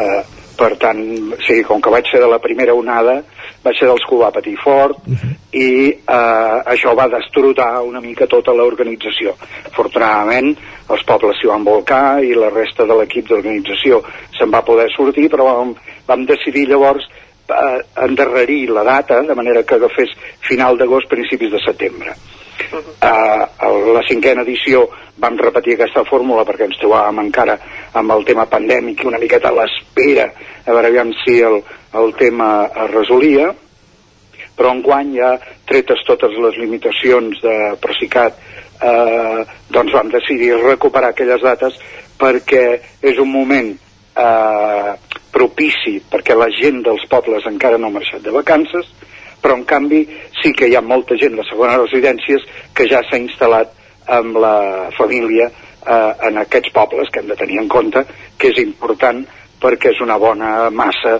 de gent la que ve cap al Moianès en aquesta època de l'any. Uh, aquesta... Perdó, sí. Digues, digues. No, deia que aquest, en aquest nivell eh, hem fet aquest canvi, després, eh, com fem cada any, eh, hi han pobles que s'hi apunten i pobles que no, enguany en perdem dos, perdem Collsospina i Santa Maria d'Oló, eh, perquè bé, per temes pressupostaris doncs no, no els hi anava bé d'apuntar-s'hi. I, I aquest és el canvi, és a dir, de, de 9 hem passat a 7, però en fi, el, el, el festival segueix tenint prou força, empenta i durada com edicions anteriors. Sí, precisament, bé, ja ho has comentat, eh? et volíem demanar sobre uh, aquestes dues poblacions que no hi participen, però bé, el festival tindrà lloc del, del 24 de juny al 17 de juliol i el programa compta amb una quinzena d'espectacles i dues exposicions i a més, com a novetat, també presenteu un curs i un taller. Uh, no sé si ens pots donar més detalls. Sí, el, el curs, eh, la idea, eh, nosaltres estem radicats aquí a Calders i tenim un, un espai eh, molt gran que anomenem Espai Animacions, que d'aquí és d'on ve això de l'associació cultural, i eh, volem que aquest centre vagi produint eh, activitats eh, al voltant del Teatre de Titelles destinat eh, tant a professionals com a afeccionats, eh, gent que li agrada remenar material o que li agradaria provar alguna de les tècniques que nosaltres eh, treballem. I en aquest cas aquest és el primer curs que fem, és a dir, té ja una durada de, de temps força important i ensenyem a construir amb, amb cartó pedra, que és una tècnica tradicional eh, coneguda sobretot perquè és com es feia antigament les falles a València, tots els, el, i en aquí els gegants, els capgrossos, els gegantons, tot això abans de, de les fibres sintètiques es feia tot amb cartó pedra és, eh, jo crec que és una tècnica que s'ha de revaloritzar uh -huh. perquè el material que s'utilitza és material que ve de reciclatge, és a dir, eh, el cartó eh, base amb el qual es treballa prové de la recuperació de paper i teixits vells Uh, per tant, uh, i és absolutament ecològic. Eh? Uh -huh. En canvi, totes aquestes altres fibres sintètiques, fibres de vidre i de més, això és altament contaminant i perjudicial a més a més per la salut per qui ho treballa. Uh, llavors, nosaltres pensem que aquest és un, una, una, un bon material i el volem donar a conèixer amb un format mm, senzill com és la construcció d'una màscara o d'una mitja màscara, perquè eh, aquí partim doncs, de, del modelatge de la figura o de la forma en fang, després li fem el, el motlle amb guix i del guix, un cop tret el fang, eh, eh, i eh, posem el, el cartó pedra. D'aquesta manera fem el positiu amb el cartó. Bé, doncs tota aquesta fase és una manera d'aprendre a treballar el material que després el, els alumnes poden aplicar en, en, en, com vulguin, és a dir, un cop s'ha après com es fa el moll i després com es treu la còpia en cartó, com es treballa el cartó, doncs eh, ho poden aplicar el, com vulguin. I és un primer pas per poder treballar amb aquesta línia. No només de donar cursos nosaltres, sinó a la llarga de portar mestres internacionals, estrangers, perquè donin cursos en aquí sobre la seva tècnica de, eh, que tingui a veure sempre, això sí, amb el teatre de Titelles d'una manera directa o, com en aquest cas, tangencial. I do, pel que fa al programa ens pots eh, avançar algunes de les companyies o espectacles que es podran veure en aquest, en aquest certamen de, de titelles del Moianès en aquesta edició? Sí, bé, eh, comencem el, el, el festival a l'estany amb dos espectacles que ja han estat programats en, el, en edicions anteriors, perquè una de les polítiques nostres és aprofitant eh, que no és una única seu, sinó que ens movem pel territori, aquells espectacles que han tingut un èxit més sonat, mirem de repetir-los, si no l'any següent, al, al cap de dos anys, perquè aquella, el, aquella part del públic que se'l va perdre uh -huh. eh, tingui l'oportunitat de tornar de veure'l, o aquell que el va veure i el va gaudir molt, eh, doncs el pugui tornar a veure. eh, això és un incentiu pel públic però també és un incentiu pels artistes perquè saben que si el seu espectacle triomfa en el festival podran repetir cosa que eh, és molt inusual per no dir única en el panorama de festivals del territori eh, anem passant de poble en poble mirant de combinar espectacles de tècniques diferents, és a dir, si busquem doncs amb un ombres, l'altre fil, l'altre tija, l'altre, jo què sé, anar, anar alterant així.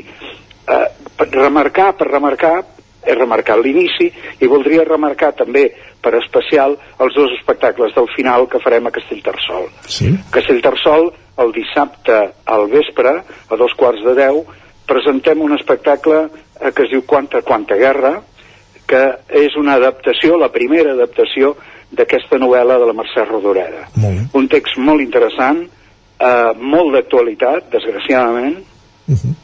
eh, i que posen en escena a la companyia Ferrés Brothers, que fa de productora d'un parell de joves artistes de 18 anys, crec que tenen hores d'ara, que ens donen una versió molt personal, però intensa, profunda i molt imaginativa sobre l'ús de eh, tècniques titellaires en el teatre actoral.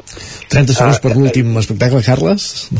Es diu Quanta, Quanta Guerra. Molt bé. I, I aquest el fem, eh, com dic, a Castellterçol, en el centre, al centre, a l'espai escènic uh -huh. eh, del centre, um, el dissabte, eh, dia 16 de juliol, a dos quarts de deu del vespre. En aquest s'haurà de comprar entrada, encara no tinc les dades perquè això m'ha de facilitar l'Ajuntament, però tota aquesta informació la, la estarà penjada al nostre web animacions.org. Carles, I, que, molt ràpidament, que tenim 10 segons. Sí, i l'últim espectacle que voldria remarcar és l'endemà, també uh mhm. -huh. a Castellterçol, també en el mateix lloc, a les 7 de la tarda, eh, l'Estaquirot eh, presenta en, en Jan Tollifant.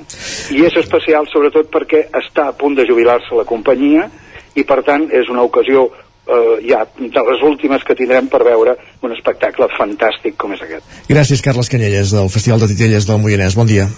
Vinga. El nou FM, la ràdio de casa, al 92.8. A la llibreria Mater hi trobaràs material escolar i d'escriptori, llibres, revistes i el millor regal. T'esperem amb una gran varietat de novel·les, llibres d'assaig, poesia, contes i moltes novetats editorials. I per anar ben equipat a l'escola tenim motxilles, estoig, carpetes, llibretes, bolígrafs i molt més. Recorda que amb la targeta client tens descomptes. Mater, llibreters amb vocació des de 1957. Llibreria Mater. Ens trobaràs al carrer Pla de Balanyà número 23 de Vic i a mater.cat. Tenim quaderns de vacances i les novetats amb motxilles i estoig de la marca Kipling. T'esperem. Cobertes serveis funeraris els nostres tanatoris estan ubicats en els nuclis urbans més poblats de la comarca d'Osona per oferir un millor servei. Tanatori de Vic, Tanatori de Manlleu, Tanatori de Centelles i Tanatori de Roda de Ter. Sabem que són moments difícils i per això el nostre compromís és atendre-us en tot moment amb un tracte humà, sensible i respectuós. Cobertes serveis funeraris. Telèfon 24 hores 93 883 23 46.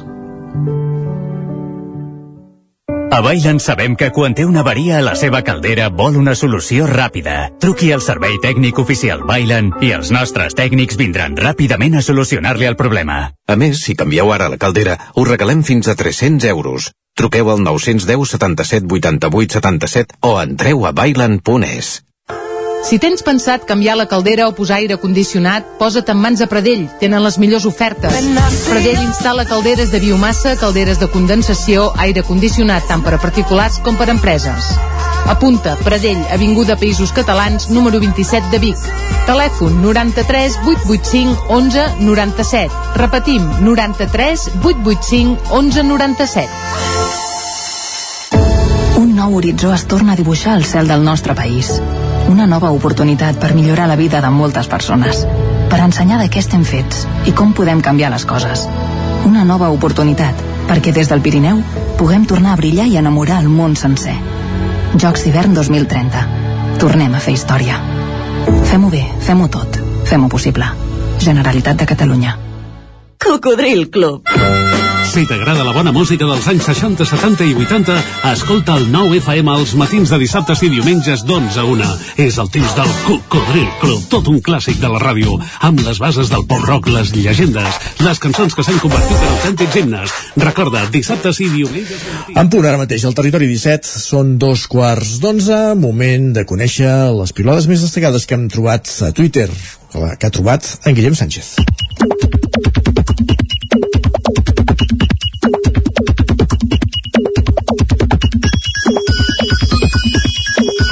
Guillem Sánchez, que segurament anirà al Festival de Titelles del Moianès un dia d'aquests, segur, No es descarta. No es No es descarta, descarta. eh? ja has vist que hi ha molta, molta activitat, eh? No perquè sigui un titell, eh, sinó perquè anirà als als titelles.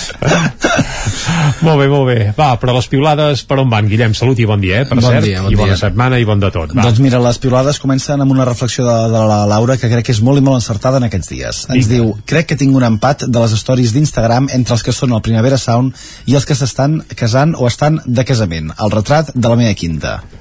Quina quinta és? Jo- Va, de- deu ser més jove que, que Sí. això. És a dir, primavera o casaments. Diria que entre uh, tu i en Guillem, la, que, Sí, la la que, que- queda al mig. la més que que queda al mig, val, és, estaríem parlant de la trentena, potser, eh? Correcte. Val, és a dir, no va anar al cabró, ni tampoc té comunions, sinó que ja està més pel tema de casaments, ni, Casaments. ni tampoc té festes de final de curs de les escoles. Per Correcte. tant, potser no té criatures, encara que això és l'altre clàssic d'aquests dies, eh? També. Acaben activitats extraescolars, acaben escoles i ja et dic jo que els Molts caps de setmana festivals. costa donar l'abast, eh? Correcte. Sí. Va, quan hi ha festa poden passar coses com les que diu en Bru, diu el divendres ens escrivia demà aniré per primer cop a un casament. Quines ganes. De moment, Ho deia amb ironia o ho deia... ho deia amb, jo crec de manera positiva, sí. Val, fantàstic. Què va passar al casament? Ai, ai, ai, ai. Tuit de l'endemà. El meu tiet m'ha tirat el cubata sobre el casament i ara vaig tot xop, el que s'ha d'aguantar. Ah, Va, però això, això, això és un clàssic dels casaments. De, A més, amb dels, aquesta- dels prepandèmics, eh? Ja veig que dels Amb postpandèmics aquesta també. calor poses la camisa sota l'aixeta i apa, vas ben fresc. Correcte, i sense americana i ja està, i vinga, Avall, i clar. mànigues arremangades. Va, en Xavi fa una pregunta oberta a tothom, ens diu, tot Twitter Catalunya tenia un casament aquest cap de setmana o com va el tema? Home, jo cal dir que no en tenia cap. Jo I, tampoc. i, i l'Isaac tampoc, per tant ja podem desmentir uh, l'afirmació de Per cert, Xavi, ell eh? diu tot Twitter, eh? I tot Twitter, Ah. recordem que és un 5% de la Clar, població. també correcte? és cert, també és cert, clar, això cal dir-ho... En un dels seus comentaris deia que Ben clar. Seus, o sigui, havia trobat fins a 12 perfils diferents que ell seguia que aquest cap de setmana havien estat de, de, de casament. Val, doncs fantàstic, per molts Ja anys, i que, tenim i que 12. durin, I que durin, i que durin. Perquè hi he estat últimament a més festes de, deixa-m'ho dir, eh, de divorci que no pas de casament. Festes però de vaja. divorci, com s'explica això? Sí, uh, uh, mira, doncs ara... Un dia farem una secció. S'ha posat de moda, allò sopars, algú, ostres, ho he deixat més separat no sé què, i es fa un Anem de sopar festa. com així festiu, no, no pas enterrament, això existeix. I jo crec que el pas que anem eh, s'anirà consolidant, potser, si la gent es va casant, clar, També, si no, no, però... perquè, perquè es puguin separar primer s'han de casar. Per Clar, tant. això és evident, sí, sí. Va, i la Laia ens comparteix també una reflexió, ens comenta tinc un casament a principis de juliol i la il·lusió que em fa és directament proporcional a la mandra o inseguretat de la recerca del vestuari. Ai, això del vestuari als Realment fa casaments, mandra, poques sentir-ho. Fa, manies, mandra, eh? fa, fa, fa molta mandra. Quan, fa, quan una cosa fa molta mandra, també es pot no fer, eh? Però potser si no vas... deixo anar aquí, eh? Però potser si vas de certa manera a certs llocs ja no et deixarà entrar i al casament sí que tens ganes d'anar-hi però et demanen d'anar-hi evidentment una mica, una mica arreglat Uh, bé, mira, cadascú que, que faci el que que, faci el que pugui i vulgui, però, has dit. però vaja. Va, qui també estarà de festa d'aquí uns dies seran totes les persones que celebrin una rebella. Ara bé cal apuntar, com diu en Geri, que es pot optar per aquesta opció. Diu, aviso amb temps, no passa res si no tireu petards per Sant Joan. No vindrà la policia de la diversió a detenir-vos. Totalment d'acord i és evident Jo, que és jo estic molt d'acord amb el tuit d'en Jair Domínguez, que de fet fins i tot li vaig fer un retuit i ara l'estic buscant perquè penso que és, és de manual per aquests I dies. anava en aquest sentit, eh? Amb el molt, tema en aquest, petards, eh? molt en aquest sentit anava, sí, sí. Tot i I, això- Doncs, eh, ara ho volem, eh? Sí, sí, Isaac, el ves, estic- ves buscant, va. estic en- Tot i això, eh, gent com en Ramonet li responia, perquè crec que no hi estava massa d'acord, li deia, aviso amb temps, la diversió d'una festa popular és el que té, la gent fa coses, els catalans fem coses, sempre hi ha qui diu als demés el que s'ha de fer. Si no us agrada, us aguanteu. De I fet, el tuit que has llegit tu, Guillem, era el de, Sí, sí, era el de Jair Domínguez. Ah. Bé, bé, doncs ja ho tenim, ja ho tenim. Va, i el que és notícia també aquests dies són les altes temperatures que es noten tant de dia com també a la nit. I espera't, eh? I Pep espera't, Acosta perquè ja ens ha dit que acaba d'arrencar això. I la Carla ens exemplifica, em sembla, una actitud que tenen moltes i moltes persones. Ens escriu, quina punyetera calor, no diu punyetera, però com si fos Ja ens punyetera. entenem, ja... Diu, quina situats. punyetera calor. Procedeix a tapar-se amb el llençol perquè si no, no dorm. Un peu a sota el llençol, un peu a sobre el llençol, mà dreta sota el coixí, mà esquerra sobre el coixí i bona nit. Hi ha molta gent que es tapa encara que estiguem a 350 graus a la, a la nit perquè si no, no dorm. I jo sóc un d'aquests. Ah, sí? Dormir sobre sense estar tapat és impossible. Doncs bé, jo ho provo cada dia i me'n surto, eh, però vaja. Has dormit aquesta nit o no? Sí, aquesta nit sí. Mm? Bastant, sí, sí. Millor. Que duri. Que Que duri. Va, i per acabar un missatge de l'Olga, em sumo també al que ens diu avui 13 de juny, dia de Sant Antoni de Pàdua, moltes felicitats a tots els Tonis i Antònies que conegueu. Home, cal dir que molts ho celebren per Sant Antoni Abat, que és el mes de gener, el dia 18, crec. Però vaja, si n'hi ha algun que ho celebra per Sant Antoni de Pàdua per molts anys. Coneixeu molts. Tonis i Antònies? Jo ara Jo ja en conec pensant... molts, però no en conec cap que celebri el santoral Som avui. més del porquet, eh? Sí, eh, Ostres. els menys per aquí a Osona jo crec que tira més el Sant Antoni el mes de gener, eh? Ara, segur que n'hi ha algun, Segur eh? que n'hi ha algun. Segur, segur. I si ens ho vol compartir, doncs que ens escrigui per Twitter o, o que ens ho faci saber. I si vol trucar, 9 4949 i em dic Antoni i ho celebro avui. I va, i l'atendrem un minutet i la farem petar i tot. No et dius pas Antoni, eh, de segon nom de No, tercer allò que es no, feia no. abans els batejos, no. Ni tinc tiets, ni avis, ni àvies que es diguin Toni o Antònia, per tant, no, he, no, he de celebrar, no he de felicitar ningú avui, doncs sembla. va, uh, ens emplacem a demà Guillem, sí? Que va- que vagi molt bé. va, bon Sant Antoni de Pàdua, que acabi d'anar bé el dia nosaltres ara fem un cop d'ull a les portades del 99.cat i arrenquem per la d'Osona i el Ripollès que obre explicant que uns 800 joves d'Osona i el Ripollès comencen la selectivitat aquest dimarts a partir de demà i fins dijous doncs eh, selectivitat per 800 joves d'Osona i el Ripollès també, eh, exacte, que vagi molt bé eh, tots els que esteu estudiant avui a tota pastilla perquè demà us toca doncs no patiu i segur que anirà molt bé, va, però estudieu només faltaria. Avui és el dia de reflexió, no d'estudiar, no? Ja tant per tant. Ui, jo eh, crec que val més que estudin també, eh? ja reflexionaran quan acabin però vaja, cadascú que faci el que vulgui. Molt bé. més coses, la desafecció política complica trobar gent per anar a les llistes electorals, això passa a la comarca d'Osona però em sembla que també a d'altres comarques veïnes. I el Cobra Roc amb més força que mai. També l'oficina de l'ONCE de Vic atén cada any més d'un centenar de persones amb problemes visuals. I anem cap al Vallès Oriental. Ara mateix el 99.cat obre amb la trobada castellera que es va fer ahir a Caldes de Montbui. Les colles ballesanes exhibeixen bon nivell en la trobada castellera de Caldes, que els darrers dos anys s'havia hagut de directament. També el Club Bàsquet Granollers es proclama campió de la Copa Catalunya i torna a la Lliga EVA i el Xiprer busca voluntaris per ajudar nois migrants majors d'edat. Això al Vallès Oriental. Perfectíssim, gràcies Jordi. Ara el que fem és anar cap a la taula de redacció.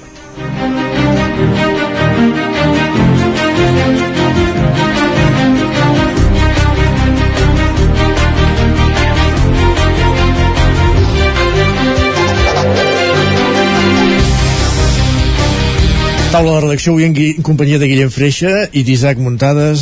Bon dia, benvinguts tots dos. Molt bon dia. Bon, Perquè bon seguint, seguint en la línia del que dèiem ara les piolates, vosaltres sí que sou de la part catalana que aquest cap de setmana heu estat a casament, eh? I a més heu coincidit el mateix, fins i tot. Sí. Sí, sí, sí. sí, sí. És, Sí, és, sí. és així. Vam coincidir i, bueno, Exacte. una vetllada estupenda. Molt bé. Sí, era, era, era, era bo menjar, podem dir això. Sí, sí. Sí. Van encertar. No som a la taula de redacció per parlar de casaments, que podríem, però no és el cas avui. Avui toca parlar més aviat de- d'aquest altre tema que parlàvem ara també de desafecció a la política. Guillem Freixa, bàsicament perquè has conversat amb l'alcaldessa de Vic, Anna R, que com dèiem la setmana passada anunciava que, que no es presentarà a la reelecció i ara estem també a l'expectativa de saber, segurament dijous, qui serà la seva substitut o substituta com a cap de llista. Quines reflexions fa l'alcaldessa de Vic ara mateix? Doncs eh, primera entrevista, després, com bé deies, de l'anunci oficial que Anna R no es tornarà a presentar com a alcaldable a la ciutat de Vic per Junts per Catalunya, com bé deies, conversa la que vam poder mantenir eh, un servidor, també el director de l'edició del 9-9 d'Osona i el Ripollès, Víctor Palomar, i en aquesta entrevista doncs, es desgranen eh, diverses eh, ítems importants, diverses coses importants, la decisió, el relleu, també una mica la relació amb els seus eh, companys d'equip de govern i també es parla de futur. La decisió, aquesta decisió de no tornar-se a presentar, recordem Anna R ha complert eh, 8 anys com com a alcaldessa a la ciutat de Vic, va entrar el 2015 en el càrrec, dos mandats, ja era eh, regidora també a la capital d'Osona des del 2007 i en l'entrevista explica que aquesta decisió, la de fer dos mandats i prou, que la va prendre el primer dia pràcticament que va entrar a fer d'alcaldessa, que tenia clar que des del primer moment, quan es va demanar de fer el pas a ser candidat a alcaldessa de Vic, sempre va tenir clar que si mai arribava a ser-ho, ho havia de fer per un màxim de 8 anys. Per tant, que aquesta decisió de fer dos mandats la tenia molt clara. Uh, nosaltres li vam repreguntar pel que va passar ara fa un any, quan també en una entrevista aquí al, al grup del 9-9, en concret al 9 Televisió, doncs va deixar la porta oberta a un tercer mandat i va explicar que això responia a una estratègia política per no posar el focus en el relleu i que es pogués treballar tranquil·lament amb el seu equip de govern govern fent la feina del dia a dia i que no es comencés a especular um, doncs qui seria el seu relleu, qui li prendria el, el canvi, qui li agafaria aquest uh, càrrec en un, en un futur.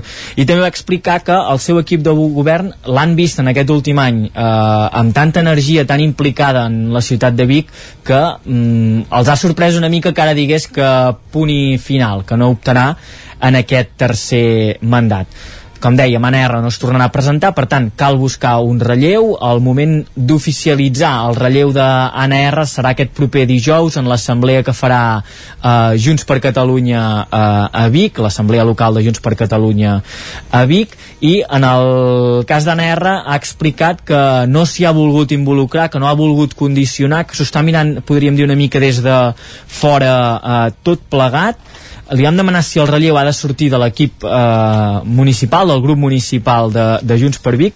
En un primer moment ens explica que no és imprescindible, que Junts té aquesta peculiaritat que encara que no se sigui militant, doncs tu pots presentar candidatures, sí que ho has de fer amb uns avals, però després, quan li repreguntem si li agradaria que fos algú del seu equip, eh, sí que diu que no li desagradaria gens, que ha tingut un equip molt potent i que la idea hauria de ser eh, que aquest equip es mantingui i que canvi la persona que va al capdavant. En aquests últims dies, des que es va saber que Anna R feia un pas al costat, han anat sortint noms, el que ha sonat potser amb més força ha sigut el de Bet Piella i preguntada per en concret aquest nom, doncs diu que és una gran regidora i li valora el fet que hagi eh, fet el pas de deixar el món professional per dedicar-se a la política, al servei públic, que és una cosa que cada cop costa més de fer, ho explicàvem per exemple en aquesta notícia que costa trobar gent eh, per anar a les eh, llistes, perquè a vegades llavors tornar a fer el pas enrere, tornar cap al món professional, doncs és complicat i li valorava molt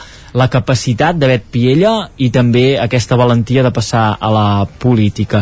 També li hem demanat per Josep Arimany, recordem eh, aquest, eh, aquest, el seu número 2 en, en la llista, també en el, les dues vegades que s'ha presentat com a candidat a l'alcaldessa Anna R, eh, Arimany també optava encapçalar la llista però finalment va fer un pas al costat.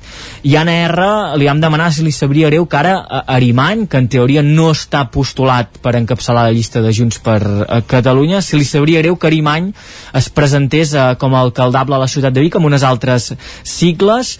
Eh, R ens explicava que això segur que portaria divisió de vots, que ho entendria perquè també entén que Josep Arimany li hagi quedat aquest cuc de presentar-se com a cap de llista, però que el que li sabria més greu és que això es llegís eh, en una lectura que, que hi ha divisió, que això no, no ha existit, aquesta divisió entre Arimany i Anna R, que han treballat molt bé junts i de fet eh, va ser una de les primeres persones a qui li va dir que no es tornaria a presentar ara fa un parell de setmanes. Ja per acabar, parlant de futur, recordem Anna R que va ser la segona persona més votada en el Consell Nacional de Junts per Catalunya el cap de setmana passat a Argelers. Um, ella no es marca fites en la política nacional, sí que explica això, eh, que quan es tanqui l'etapa d'alcaldessa continuarà com a diputada si el govern de la Generalitat doncs, uh, continua endavant, perquè també dependrà d'això, però que no li treu la son fer carrera política en l'àmbit nacional. Assegurava que li havien ofert fer un pas endavant en aquesta uh, política nacional, uh, sobretot ara fa un any enrere quan hi van haver les eleccions, però que va ser ella mateixa que es volia centrar en mm -hmm. la ciutat de Vic. I sobre els projectes, doncs, remarcar que està orgullosa de coses que ha fet en aquests vuit anys, com per exemple exemple, refer el POUM, el Planejament Urbanístic de Vic, que va ser eh, cancel·lat. Exacte. També per la, el projecte educatiu i escolar que s'ha anat consolidant a la ciutat de Vic, o per iniciar projectes com la reforma de les adoberies o la biblioteca Pilarín Vallès, que serà una mica el colofó d'aquests vuit anys de mandat. Perfecte, Guillem, moltes gràcies. Adéu, bon Fins dia. després. I continuem encara, com dèiem, amb clau eleccions, perquè si en R haurà estat 8 anys a l'alcaldia, n'hi ha dos al Ripollès que n'hi hauran passat 4 i que no tenen intenció de continuar. O Isaac? Exacte, són els alcaldes de, de les Llosses i Vallfona de, de Ripollès, Andreu Llimós i, i Eduard Ramos respectivament. Ells, com, com comentaves, doncs, es van presentar a les eleccions del 2019. Uh, en, tot ca, en tots dos casos són llistes obertes en els seus municipis, per tant, doncs, a més a més van ser els candidats uh, més votats. Uh, cal dir que, bé, uh, en el cas de Ramo, ell sí que ja havia estat uh, com a regidor prèviament un mandat, o sigui, havia estat 4 anys de regidor abans de donar el salt a l'alcaldia, mentre que Llimós sí que, que debutava. Els dos eh, anaven amb, amb llistes associades amb Esquerra Republicana o, o ja directament amb Esquerra eh, i, i bé, eh, sobretot han coincidit amb això, que no continuaran eh, per fer un segon mandat, bàsicament doncs, perquè volen també més temps eh, personal per ells, perquè realment doncs, no, un poble petit doncs, és això, no? la, la gent et coneix molt, eh, sap, saps on vius, eh, eh, poden venir-te a molestar molt sovint per, per qualsevol cosa, no? i això també eh, els hi treia molt de temps, no? en el cas de, de Ramo també té una feina que, que li complica molt estar al, al poble uh, de fet està dues setmanes tres fora cada, cada mes i, i, i la resta de dies doncs, se les passa a Vallfogona doncs, treballant absolutament per, per al poble per compensar, per compensar això i evidentment doncs, aquest, aquest ritme es pot portar un temps però, però no, no 8 anys segurament i en el cas de, de Llimós també no? ell, ell també a més a més uh, treballa fora de, de la comarca uh, i, i, en principi doncs uh, ho, ho veia complicat també ha quedat una mica desencisat per al tema que ell volia fer moltes coses i n'ha pogut fer moltes però el tema de la burocràcia doncs sí que, que troba que, que s'han de fer molts papers i que a vegades no, no es pot fer tot tan ràpid com voldria però de totes maneres sí que eh, els dos eh, es van mostrar orgullosos de, del treball fet perquè han aconseguit doncs, eh, ara parlava en Guillem Freixa dels projectes que s'han fet a Vic doncs també també se n'han fet bastants aquí a, a les Llosses o, o a Vallfogona per exemple a les Llosses doncs el tema eh, de pacificar una mica el que és l'entorn de la Riera de Merlès o fer la plaça de Matamala eh, nova, també eh, rehabilitar un dels dos pisos que hi ha a la primera planta del consistori i a Vallfogona, doncs, per exemple també la rehabilitació de l'església de Sant Julià l'accés a la piscina o també un, un conveni signat amb la Fundació Eduard Soler per tenir uh, més pisos. Per tant, doncs, en, en certa manera Uh, d'aquests 4 anys per ells han, han estat suficients i, i cap d'ells uh, no anirà ni tan sols a la llista. El que sí que va dir Llimós el cas del Cala Llos és que d'aquí mai se sap però que en un futur ell li ha agradat ser alcalde, els dos els ha agradat molt però a ell també li ha agradat i, i li queda el coquet de que si pot tenir més temps no descarta d'aquí uns mandats tornar-se a presentar però ara mateix doncs, doncs no seria el cas Falta un any per les eleccions municipals, una mica menys d'un any, i de fet ja anem coneixent això. Qui, nous candidats, qui repeteix, qui no, i en aquest cas hem parlat de tres casos que d'aquí un any deixaran de ser alcaldes segur perquè no tornaran a presentar-se a la reelecció, en els casos de, de Vic, Les Llosses i Vallfogona. Gràcies, Isaac. A vosaltres. El que fem tot seguit és acabar la taula de redacció i anar a parlar d'esports, de, a fer el repàs esportiu del que ha estat el cap de setmana en connexió amb les diferents emissores d'aquí del territori 17 Uh, ara mateix, com dèiem, entrem a la roda esportiva.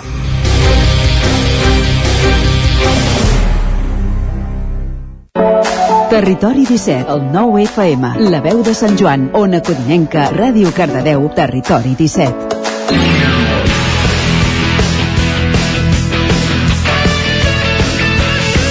Una roda esportiva, ja ho sabeu que fem cada dilluns per conèixer com ha anat, per valorar esportivament parlant al cap de setmana. Hi havia algunes, alguns compromisos encara en joc, algunes activitats, i en parlarem tot seguit des d'ara fins a les 11, i comencem aquesta roda a Ràdio Televisió Cardedeu en companyia de l'Òscar Muñoz. Bon dia, Òscar.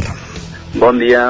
Com ha anat? Doncs sí, avui parlarem d'activitats, ja que divendres passat vam parlar que aquest cap de setmana a Granollers es disputava els Jocs Catalans de l'Esport Adaptat, uh -huh. i uh, hi havia tres equips de Granollers, els Dracs d'hoquei en cadira de rodes, el Club Bàsquet Granollers i els Spartans Squad de rugby. Podem comentar doncs, que eh, va haver-hi victòria per, al, per als dracs d'hoquei de cadira de rodes que van guanyar doncs, aquesta, els campionats catalans d'esport adaptat. Eh, va començar, si van fer dos partits aquest cap de setmana.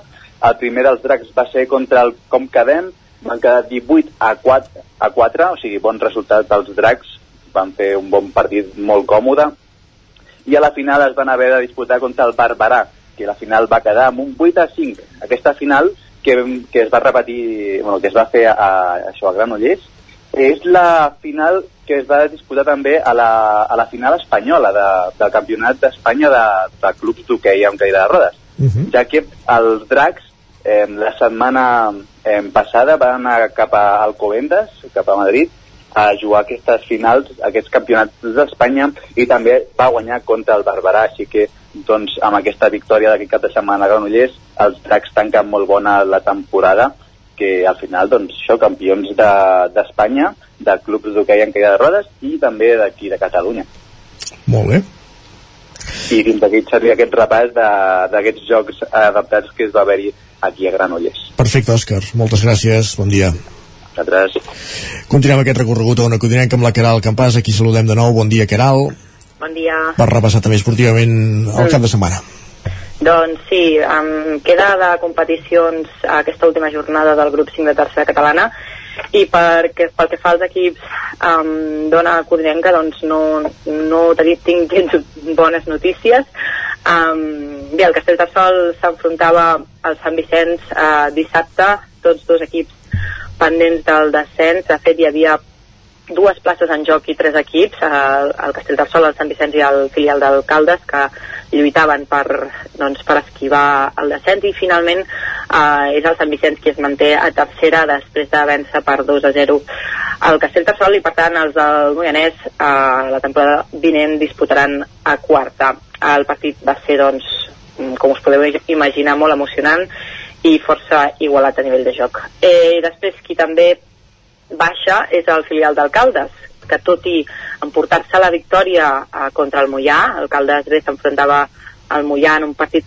que va acabar per 2 a 5, eh, això no li permet salvar la, la categoria perquè no depenia d'ell mateix per poder assolir la permanència i bé, doncs el filial calderí va fer els deures, va, va complir amb el que depenien d'ells per vèncer el Mollà per 2 a 5, però eh, acabarà doncs, això, eh, disputant també a quarta la temporada vinent.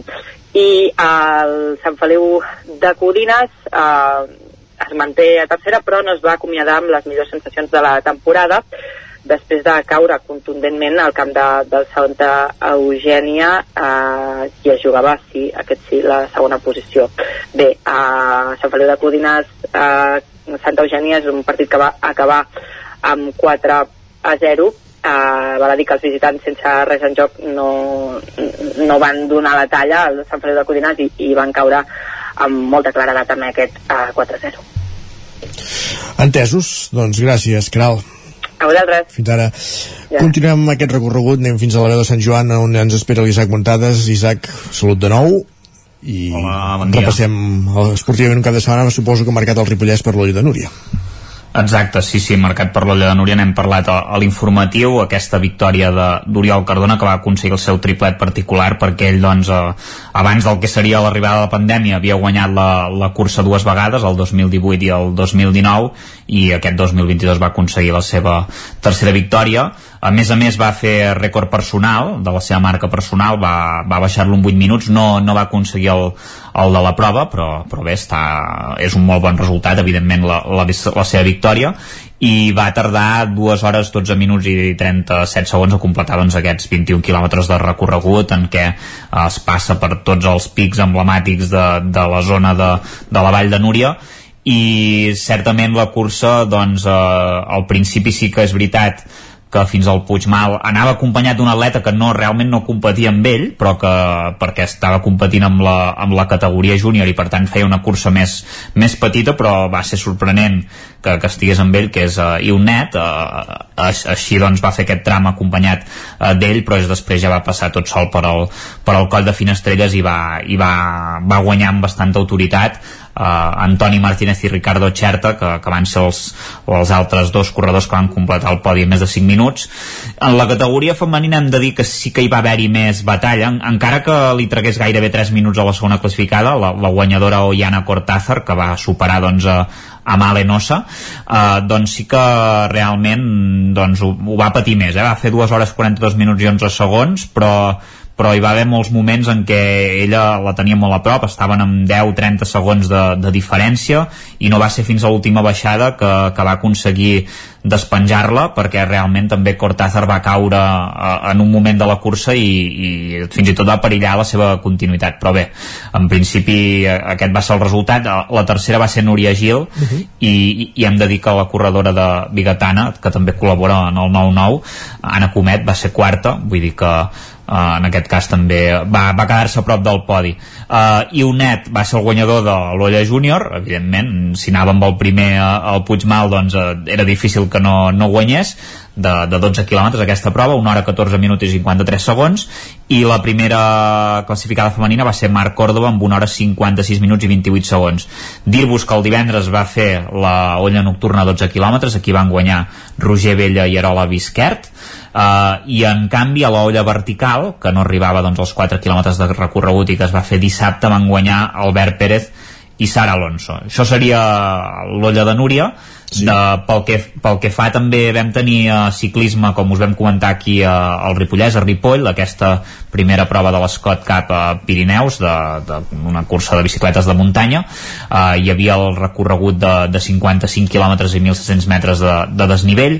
En aquest cas va guanyar Ramon Serra amb un temps de 2 hores i 35 minuts. Uh, Nil Garcia pràcticament doncs, va arribar a 20 minuts el segon classificat i el tercer doncs, Pau Deumal ja va arribar a 3 hores. Per tant va guanyar amb força claredat. A, a la prova rally que era de 37 km a 1.200 metres de desnivell doncs eh, primer va guanyar eh, Ricard Argen, argenter i, i després eh, amb una hora 47 minuts i el segon va ser Jaume Estabanell que va arribar a uns 5 minuts mentre que Lluís Àngel Soler ho va fer a 12 uh, per tant doncs això va ser aquesta, aquesta prova.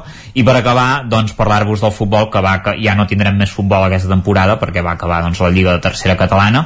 La Badesenc va acabar en quarta posició i 56 punts després de derrotar la Cellera per 2 a 0 en un partit a casa on van ser molt superiors al seu rival i van perdonar la golejada. El partit es va posar molt de cara als 3 minuts Cruz.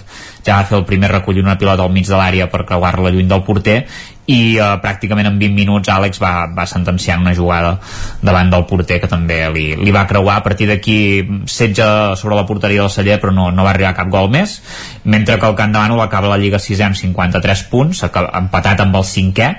Uh, va, va empatar a dos al camp del Cornellà de Terri en un partit en què Maideu va fer el primer en definir per baix amb un xut ras al contraatac, els locals empataven amb una rematada rasa de Colell i, i a la segona part ai, i abans d'acabar la primera part Artigas va fer el segon amb un xut potent i creuat dins l'àrea. A la segona part el Candanol va poder empatar amb un gol de Maideu després d'una bona passada d'Ariel i, i ja pràcticament ja no va passar res més a tot el partit. Vull dir que s'acaba aquesta lliga amb, amb, hem de dir també no mals resultats. Han quedat entre els sis primers els dos equips del Ripollès per tant es pot considerar que segurament podrien haver optat per l'ascens però no, no, no han fet una mala lliga sens dubte. Molt bé. Està un aprovat alt. Doncs aprovat alt la nota posada gràcies Isaac. Parlem després la adeu fins, fins després i continuem aquest recorregut, acabem els estudis del 9FM en companyia de, de l'Ester Rovira. Bon dia, Ester. Bon dia. Esportivament parlant, el cap de setmana, per exemple, ha donat l'eliminació de, del Manlleu de la, del play-off de la Copa, de la Copa no, de l'Hockey Lliga, perdó. De l'Hockey Lliga femenina, exacte. Uh, recordem que en el primer uh, duel d'aquestes semifinals del play-off pel títol de l'Hockey Lliga femenina uh, el Gijón ja s'havia imposat als penals després que el partit acabés amb un empat a un gol i aquest cap de setmana hi havia uh, el divendres és el segon partit i si hagués estat necessari ahir el tercer, però les asturianes es van tornar a imposar eh, divendres en el segon partit aquest playoff al millor de 3, eh, en aquest cas per 5 a 1 i d'aquesta manera doncs eh, passen a, a semi eh, passen a la final, volem dir eh, contra el Palau, que és qui va guanyar eh, per 4-5 al Vilassana en el seu cas en el tercer partit de l'altra semifinal del, del playoff, per tant Gijón Palau serà la final eh, per al títol de, de de Lliga de, dels principals conjunts d'hoquei femenins. I en el cas d'aquest de, del, del Manlleu eh, dir que les manlleuenques es van avançar amb un gol de Maria Díez però després van arribar a eh, pues, 5 gols. Ni més ni menys que del, del Telecable eh, de Marta Piquero, de Sara Lolo novament de, de Piquero, de Roces i encara un altre de, de Piquero eh, que van suposar la, la sentència. I aquest partit doncs, va servir per acomiadar Maria Díez que ja ho havíem explicat eh, que es retirava al final d'aquesta temporada eh, que penjava els patins i aquest doncs haurà estat finalment el, el, seu, últim, el seu últim partit eh, i acaben la temporada havent guanyat la, la Copa de la Reina per tant amb un títol eh, que marxa Maria Díez de, de les pistes després d'una de, llarga trajectòria eh, vinculada a l'Igualada al Gijón justament a, a la pista on es, va, on es va retirar i al Manlleu i sobretot i especialment amb la selecció eh, estatal que és on ha aconseguit els seus majors èxits. Això pel que fa a l'hoquei, eh, en el cas del, del futbol, eh, aquest cap de setmana eh, doncs es jugava l'última jornada de la eh, primera femenina, eh, on hi havia un duel entre el Torelló i el Vic Riu primer, i hem de dir que les torellonenques eh, es van imposar eh, doncs, davant de, de les biguetanes, i, i d'aquesta manera acaba la temporada en tercera posició, però sense opcions d'ascens, ho hem anat explicant eh, durant la temporada, que potser es podria donar el cas que els dos primers equips del Torelló aconseguissin l'ascens de, de categoria finalment no, no haurà estat així perquè les torellonenques eh, doncs, com dèiem han acabat en tercera posició per darrere el Santa Susana i el Mataró però tot i així doncs, molt bona temporada eh, la, que, la que han disputat aquesta, aquesta temporada Uh, aquest cap de setmana hi ha hagut uh, moltíssima activitat esportiva. Per exemple Vic va acollir l'enfutbol uh, que va ser doncs, una jornada amb 900 jugadors amb diversitat funcional, intel·lectual i sensorial. Uh, per tant moltíssima uh, activitat uh, esportiva. També es va fer la final de, de la Copa de Futbol d'aficionats de, de futbol en què l'Alla Mimouna va ser el, el, el vencedor. Uh, un altre dels punts d'interès aquest cap de setmana era la Trona Reis que es renovava i que passava a ser competitiva. Recordem que aquesta baixada amb patins, eh, patinets eh, i altres dispositius per la carretera de, de la Trona fins ara en les dues primeres edicions havia estat eh, doncs d'exhibició i aquesta vegada s'estrenava sent, sent competitiva i doncs eh, eh, esportistes del primer nivell d'aquest esport perquè la prova era, era doncs, campionat d'Espanya i això va permetre veure els millors especialistes d'aquesta modalitat eh, fora d'aquí uh, hi havia uh, trial GP uh, de, de campionat del món de, de trial a l'aire lliure sí. en què Adam Raga va acabar en tercera posició per darrere de Toni Bou i Jaime Busto i també uh, fora de casa competien uh, hi havia el campionat de Catalunya de, de tenis taula que en aquest cas que es disputava a Bàscara i hem de dir que Sílvia Coll i Camila Moscoso es van proclamar campiones de la seva categoria i en la prova per equips el Girbau Victete va ser subcampió després de perdre la final amb el Reus eh, Ganxet, no van poder revalidar el títol que havien aconseguit la, la temporada passada eh, però bé, en tot cas subcampiones de, de Catalunya de, de tenis taula a les biguetanes Perfectíssim, gràcies Esther per aquest exhaustiu repàs. Que vagi bé. Bon dia. I acabem aquí, com dèiem, aquest repàs esportiu, moment d'actualitzar-nos al territori 17.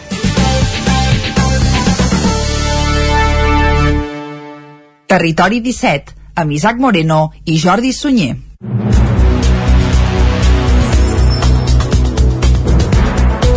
3 minuts que passen de les 11 notícies al territori 17 per explicar-vos que Junts per Catalunya decidirà aquest dijous qui serà el successor d'ANR al capdavant de la llista del partit a Vic. L'actual alcaldessa va anunciar dimarts que no repetiria com a candidat a l'alcaldia. Des del grup municipal tenen clar que el, que el successor o successora ha de sortir del propi partit, tot i que no tanquen la porta que el projecte l'encapçali algun associat. Els noms que es presentaran a votació a l'assemblea d'aquest dijous encara no es coneixen, però algunes opcions van agafant força en la travessa, sobretot els que ja ja formen part de l'actual equip de govern. El nom de Bet Piella, actual regidora de Promoció Econòmica, Comerç i Cultura, és un dels que tindria més força. En aquesta mateixa línia, altres veus com la de Titi Roca, regidor d'Esports i Fires i Mercats, també apunten que si el partit li demanés, ell mateix ja ha reconegut que també optaria a l'alcaldia. Núria Oms, regidora de Benestar i Família, seria un altre dels noms propis d'aquesta travessa i en declaracions al 9-9 ella mateixa afirmava que en política res s'improvisa i que primer de tot cal sotmetre's a votació. Qui ha estat el número 2 d'ANR en els darrers dos mandats, Josep Arimany, en canvi, no entra dins les travesses de Junts, tot i que la decisió que es prengui dijous a l'Assemblea Local del partit de ben segur que marcarà el seu futur polític o suma de nou esforç esforços, tot i no compartir militància des d'una posició secundària, o aposta per optar a l'alcaldia amb unes altres sigles. Dijous a la nit s'esveiran alguns d'aquests dubtes. El 81% de la població de Vic té accés a un espai obert, el 62% viu en barris on és fàcil desplaçar-se a peu i el 56% té una connectivitat que facilita l'activitat física. Són algunes de les conclusions que es deriven de l'estudi sobre salut i sostenibilitat que la Royal Melbourne Institute of Technology i la Universitat de Vic han fet a 25 ciutats del món, entre les quals hi ha la capital d'Osona. Vic ha passat l'examen en salut i sostenibilitat, però ho ha fet amb una assignatura pendent, el transport públic. És una de les conclusions que es deriven de l'estudi que ha liderat la Royal Melbourne Institute of Technology amb la participació de la Universitat de Vic, Universitat Central de Catalunya. L'estudi avalua les ciutats a partir de cinc indicadors, la proximitat al transport públic i els comerços d'alimentació, la capacitat de poder-se desplaçar a peu, la densitat de població, la connectivitat connectivitat dels carrers i també l'accés públic a espais oberts. Les que passen l'examen en totes les modalitats es perfilen al voltant del model de la ciutat de 15 minuts. Escoltem a Anna Puig, coordinadora del grup de recerca en esport i activitat física de la Universitat de Vic és a tot arreu que pots desplaçar-te en menys de 15 minuts que són aspectes bàsics que tu necessites no? necessites anar a comprar el pa necessites, no?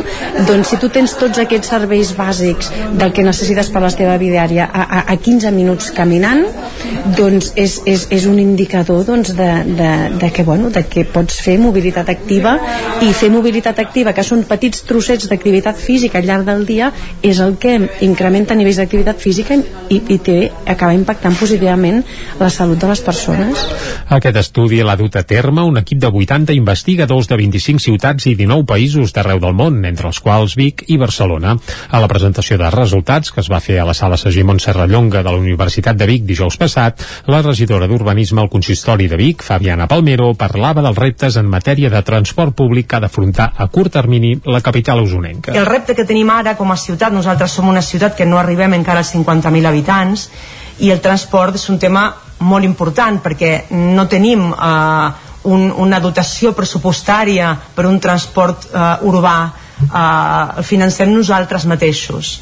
Llavors estem en un punt que la ciutat necessita apostar pel transport públic però no tenim ajudes per poder consolidar-lo més bé si en aquest sentit estem treballant gràcies per aquestes dades perquè en som conscients i sabem que ho hem de millorar. Ara estem redactant un nou projecte de busos que volem recuperar una concessió que no tenim a més a més perquè la concessió és de la Generalitat.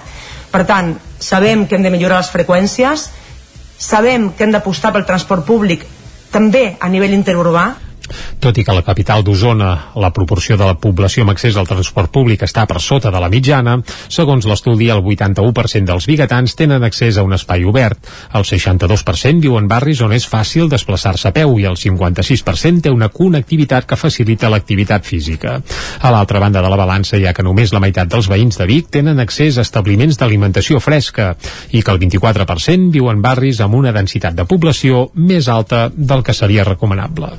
Nou punt de recàrrega semiràpida de vehicles elèctrics al mercat municipal de Cardedeu. El punt va entrar en funcionament dijous de la setmana passada. Ràdio Televisió Cardedeu, Núria Lázaro. Cardedeu estrena una nova estació de recàrrega de vehicles elèctrics al davant del mercat municipal. És un punt de recàrrega semiràpida amb una potència de 22 kilobytes, la qual cosa permetrà carregar un sol vehicle aprofitant la potència màxima o dos vehicles simultàniament a 11 més 11 kilobytes. En tractar-se d'un carregador semiràpid no porta integrades les mànegues de recàrrega, la qual cosa el fa ideal en zones molt concorregudes, ja que no suposa cap destor per als vianants. Aquest aquesta és la tercera estació de recàrrega de vehicles. Les altres dues estan situades al carrer Klein i al polígon sud. Actualment hi ha en estudi la instal·lació d'un quart punt al pàrquing de l'estació. Encara al Vallès Oriental, l'Associació de Viles Termals de Catalunya aposta per promocionar els recursos turístics i, me i mineromedicinals en l'àmbit nacional, estatal i internacional. Ona Codinenca, que era el campàs. L'Associació de Viles Termals de Catalunya, que agrupa 15 municipis o regions, entre les quals hi ha Caldes de Montbui, es va reunir fa uns dies per traçar els objectius pels propers mesos.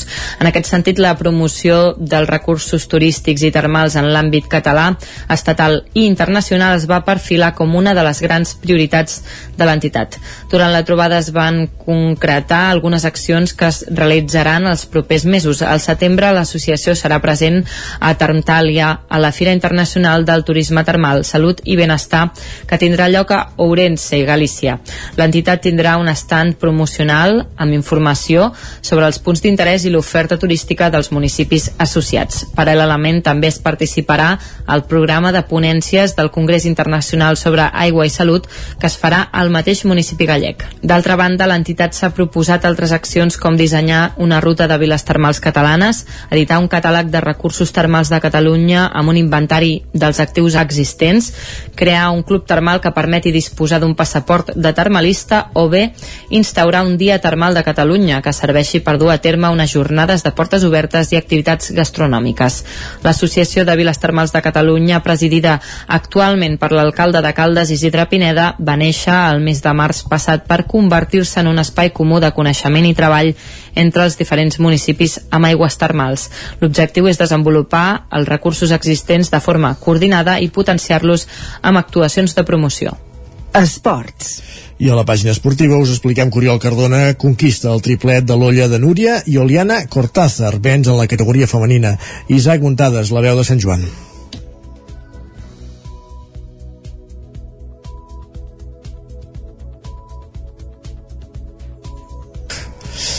Isaac, tenim problemes doncs, per rebre aquesta crònica de, de l'olla de Núria, celebrada aquest cap de setmana. N'hem parlat ja de totes maneres al repàs esportiu.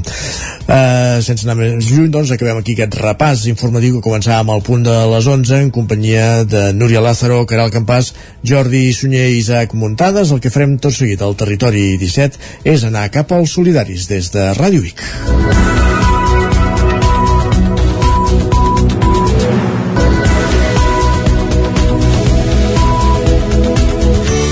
Territori 17. Envia'ns les teves notes de veu per WhatsApp al 646 079 023. 646 079 023. WhatsApp Territori 17.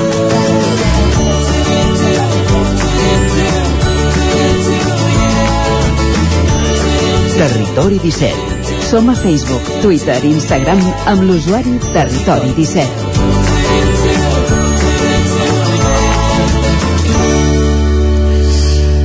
Doncs ara sí, moment, al territori 17, com dèiem, d'anar als solidaris, de conèixer noves iniciatives del tercer sector a casa nostra.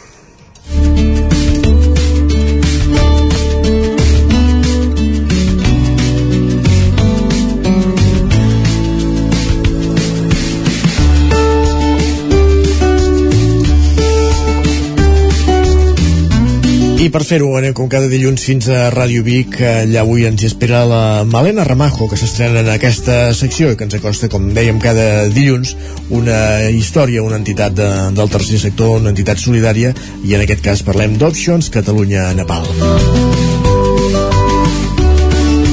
Malena, benvinguda, bon dia, com vulguis. Fa un any vam poder parlar amb l'associació Options Catalunya Nepal, una organització que té com a principal objectiu oferir oportunitats. Oportunitats per millorar les vides d'infants i joves al Nepal que no poden accedir a l'escola o a la formació professional. Tot va començar ja fa més de 20 anys, quan un grup de professors de la Universitat de Vic van viatjar al Nepal i en veure la dura realitat del país i la misèria que patien molts infants, van decidir ajudar. El nom d'Options Catalunya Nepal, però, va sorgir alguns anys més tard, gràcies a l'impuls del periodista Carles Capdevila, que va implicar-se per tirar endavant aquesta associació que funciona a cavall entre Vic i Katmandu. Avui, al programa Solidaris, des de Ràdio Vic i a través de l'antena del Territori 17, parlem amb la presidenta de l'ONG, Marta Coromines, i el secretari Ignasi Aromí, per saber quins reptes planteja el fet de dur a terme un projecte fora de les nostres fronteres, com s'organitzen, què implica l'acció social i com veuen el futur. L'arribada de la pandèmia ha suposat per a Options durant dos anys un important escull per l'acció social. Primer perquè els voluntaris no han pogut viatjar fins a Katmandu i després perquè l'escola de cuina que havien obert es va veure obligada a tancar en algunes ocasions a causa de les restriccions. Malgrat tot, Marta Coromines explica com es van readaptar a la situació les escoles petites ens deixaven anar funcionant, quan a les grans no.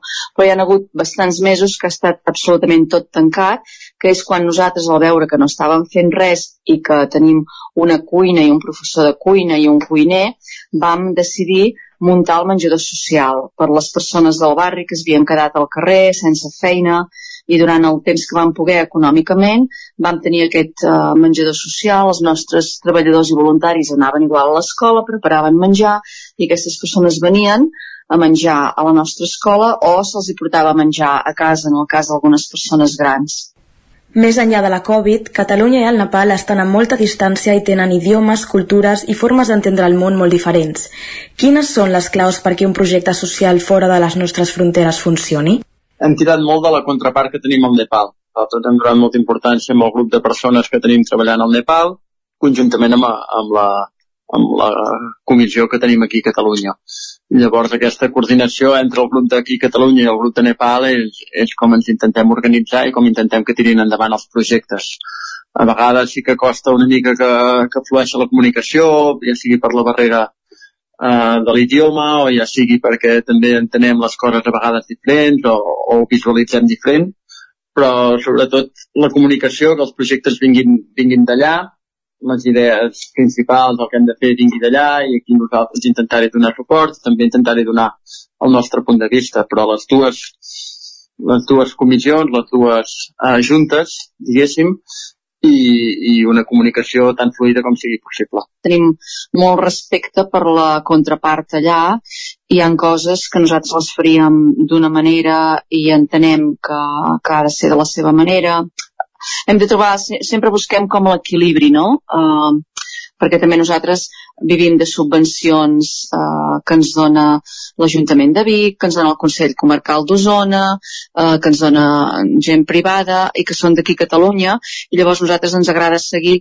una mica el model que tenim aquí, però sempre hem de mm, fer córrer com els dos models junts. I jo crec que el fer córrer els dos models junts hi poden haver aquestes barreres i a vegades malentesos, però crec que és la, la manera d'aconseguir que, que els projectes siguin ben rebuts, tant en un país com en l'altre. Així doncs, la comunicació i el respecte són claus per entendre's i tirar endavant els projectes, però això no fa que els reptes desapareguin, i n'hi ha un que és especialment difícil de gestionar, el temps, o més aviat la manca de temps també un altre uh, tema que tenim, com que tot, tothom és voluntari, aquí a Catalunya tothom és voluntari. Al Nepal tenim tres treballadors uh, i tres voluntaris, però aquí tothom és voluntari. El repte que tenim és el del temps. Per exemple, l'Ignasi i jo som professors de la Universitat de Vic, uh, això ens suposa um, bueno, és una feina que és complexa i que ens suposa moltes hores setmanals i és difícil treure hores per portar un projecte tan gran eh, com és Options per nosaltres, perquè és com si fos dues associacions, perquè hi ha moltes activitats a, a Catalunya i, mo i moltes, bueno, al curs sobretot, a part d'alguna altra activitat educativa, al Nepal. I crec que pel voluntari el tema temps és, és un gran repte. L'acció social a Nepal no s'entén tampoc sense tota la feina que fan els voluntaris a Osona. Options du a terme activitats de sensibilització a les escoles de secundària de Vic i de Gurb. Activitats que tenen com a objectiu treballar l'empatia i els valors d'interculturalitat entre els més joves. També hi ha un programa d'activitats pels més petits al Centre Cívic del Montseny. I a la Universitat de Vic s'organitza un curs de voluntariat. El voluntariat requereix una important dedicació i esforç i portar endavant una ONG suposa temps i recursos, però amb tot al final val la pena. Preguntem l'Ignasi i la Marta què és el que més els reconforta a ells de l'acció social. El que fa a mi hi ha dues coses. Una, quan anem a fer totes aquestes accions als instituts, a les escoles, a la universitat, eh, la veritat és que és molt reconfortant veure que, que el que expliques cala a la gent, no? que, que ve algú i et diu això que m'has explicat d'aquest nen del carrer realment m'ha arribat, m'ha tocat i això, i això per mi és molt reconfortant poder fer aquesta tasca de sensibilització, de donar a conèixer una realitat que per gent d'aquí no la, no la conèixer encara. Per tant, això una, i del Nepal, eh, suposo el fet de veure els que acaben el curs, els nois i noies que acaben el curs de cuina, i que tenen una formació més, que tenen una sortida més, que tenen un futur més, que, que esperem que es puguin guanyar allà en el seu propi país i tirar endavant allà, per tant això és el que conforta, no? Sí, jo també bastant com l'Ignasi, el que em fa tirar endavant, perquè a vegades eh, trobo difícil fer aquestes amb el poc temps que tenim trobo difícil portar endavant totes aquestes accions als dos països, però a mi també el que em tiba és que gràcies a... Nosaltres, com ha dit l'Ignasi, som una ONG petita, però tenim molta sort perquè tenim uh, convenis de col·laboració tant amb la Universitat de Vic com amb l'Ajuntament de Vic. I això ja ens, ens dona uh, poder per, per ser més grans. I um, quan a, això, igual, igual que diu l'Ignasi, quan jo veig que el que hem fet i l'esforç que fem a uh, Vic i comarca té un impacte positiu per moltes persones més enllà de la gent d'Options, això em fa veure el projecte útil. I el Nepal també, tot i que, eh, com, com ens ha dit l'Ignasi, som una ONG petita i el nostre públic de, de joves en situació de vulnerabilitat de més de 16 anys és petit, el tenir aquesta col·laboració amb la universitat i l'Ajuntament, nosaltres anem més enllà del nostre projecte. Uh, també queda afectat positivament el nostre personal, altres escoles del Nepal, treballem també en col·laboració amb orfenats, amb cases d'acollida de fills de presoners i presoneres, amb filles, amb noies vídues i filles de vídues que estan marginades pel seu grup social.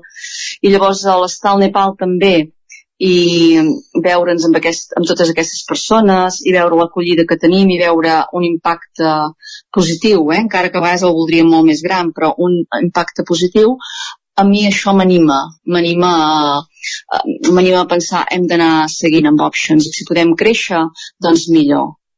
Aconseguir complir amb les expectatives que es tenien al principi és una satisfacció, però per a Options Catalunya-Nepal només és un impuls per ampliar l'ambició dels projectes i marcar-se uns nous objectius.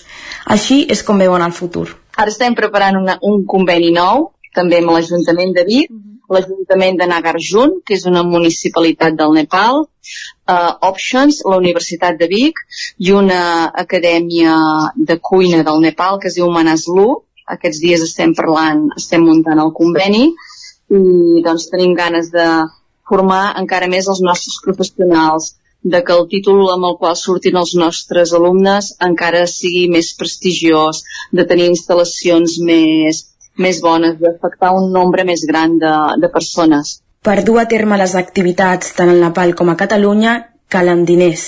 Options compta amb subvencions de l'Ajuntament de Vic i el Consell Comarcal, un finançament imprescindible, però no és l'únic, ja que el que també fa possible que l'ONG pugui tirar endavant són els seus socis i algunes donacions privades. La Marta explica que aquest any han tingut una sort extra.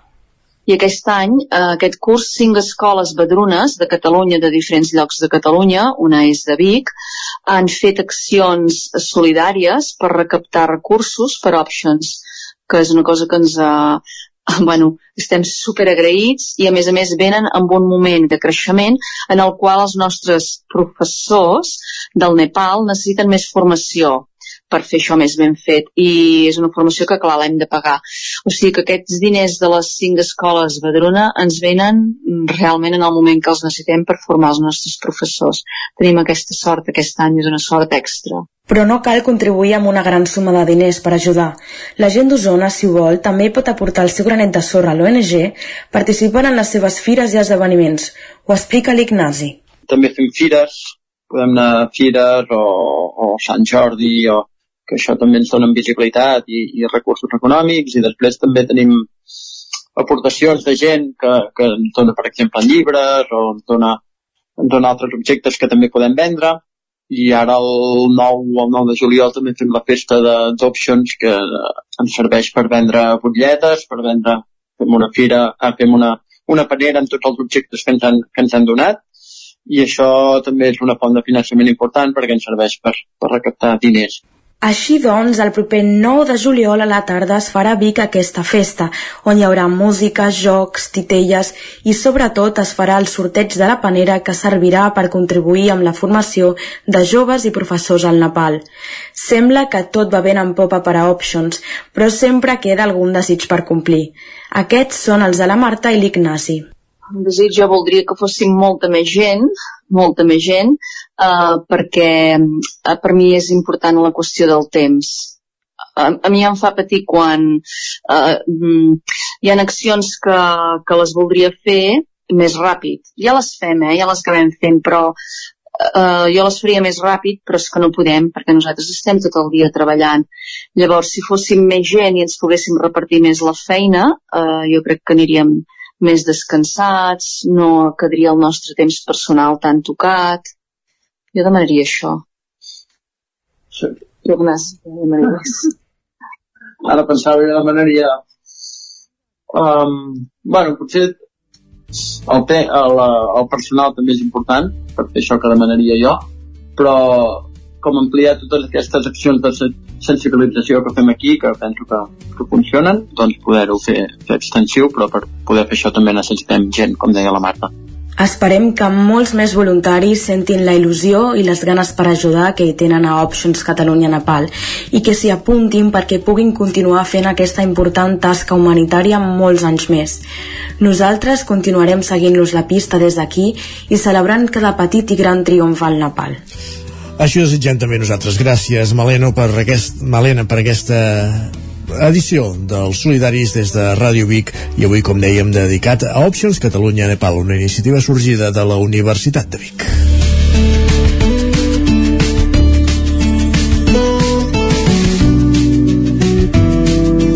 Avancem al territori 17 i encararem ja aviat la recta final del programa d'aquest dilluns, 13 de juny de l'any 2022. Després dels solidaris farem una petita pausa, però tornem d'aquí 3 minuts amb la resta de continguts del programa d'avui. Passarem per l'R3, pujarem al tren com cada, di... com cada dia, de fet, amb les cròniques que recull l'Isaac muntades dels oferts usuaris del nostre tren de cada dia i acabarem el programa fent safreig, fent tertúlia esportiva, com cada dilluns, sempre en companyia de Lluís de Planell Isaac Muntades Muntades i Guillem Freixa per analitzar quin és el mercat de fitxatges abans d'encarar de, de la nova temporada de futbol a primera divisió. Parlarem, òbviament, d'aquestes aspiracions que té el Girona de pujar a primera divisió després de l'empat a zero del partit d'aquest dissabte contra el Tenerife i queda un partit de tornada del qual també estarem atents per com, per com dèiem, per conèixer les evolucions de Girona i altres aspectes de l'actualitat esportiva que, que aniran sortint a la tertúlia, com dèiem, a partir de dos quarts i algun minut de 12 en companyia de Lluís de Planell, Guillem Freixa i Isaac Montades i fins al punt de les 12 aquí al Territori 17. Ara, com dèiem, fem una petita pausa i tornem d'aquí 3 minuts. Fins ara.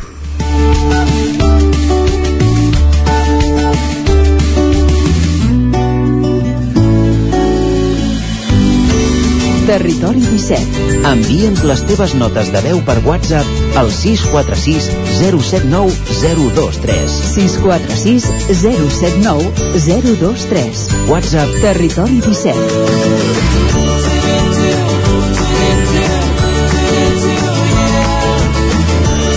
Territori 17. Som a Facebook, Twitter i Instagram amb l'usuari Territori 17.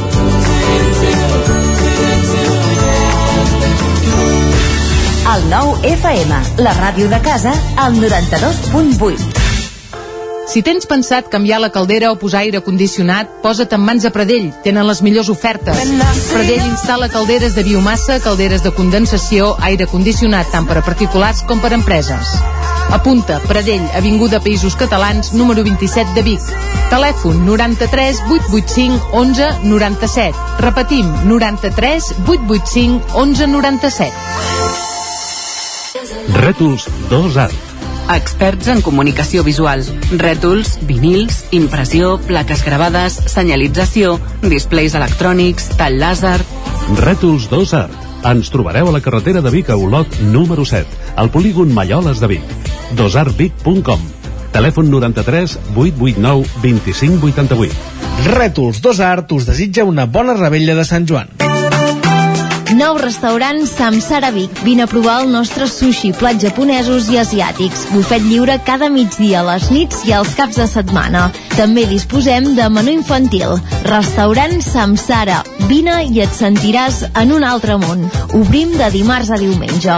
Ens trobaràs al carrer de la Fusina número 2 de Vic, a prop del Banc Santander i de la botiga Orange. O si ho prefereixes, truca'ns al 93 146 82 89.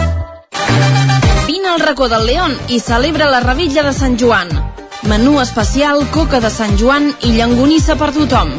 Gaudeix de la rebella de Sant Joan al racó del León, carrer Torelló, número 35 de Vic. Fes la teva reserva al 93 889 19 50. Ja tenim aquí la rebella de Sant Joan. Prepara't! A Manli seleccionem el millor en pirotècnia, bateries, bengales, trons, coets, els millors preus, ofertes tots els dies de rebella i tot l'any. Visiteu el catàleg a manli.cat. Manli, al carrer Ramon Soler, telèfon 93 889 0484.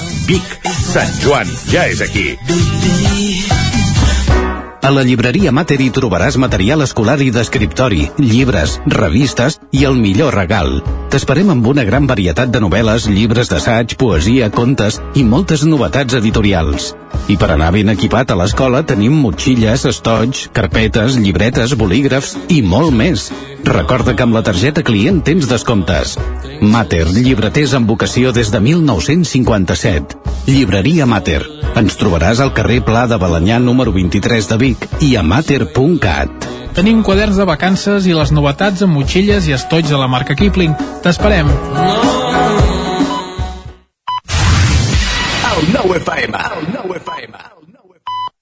Territori 17.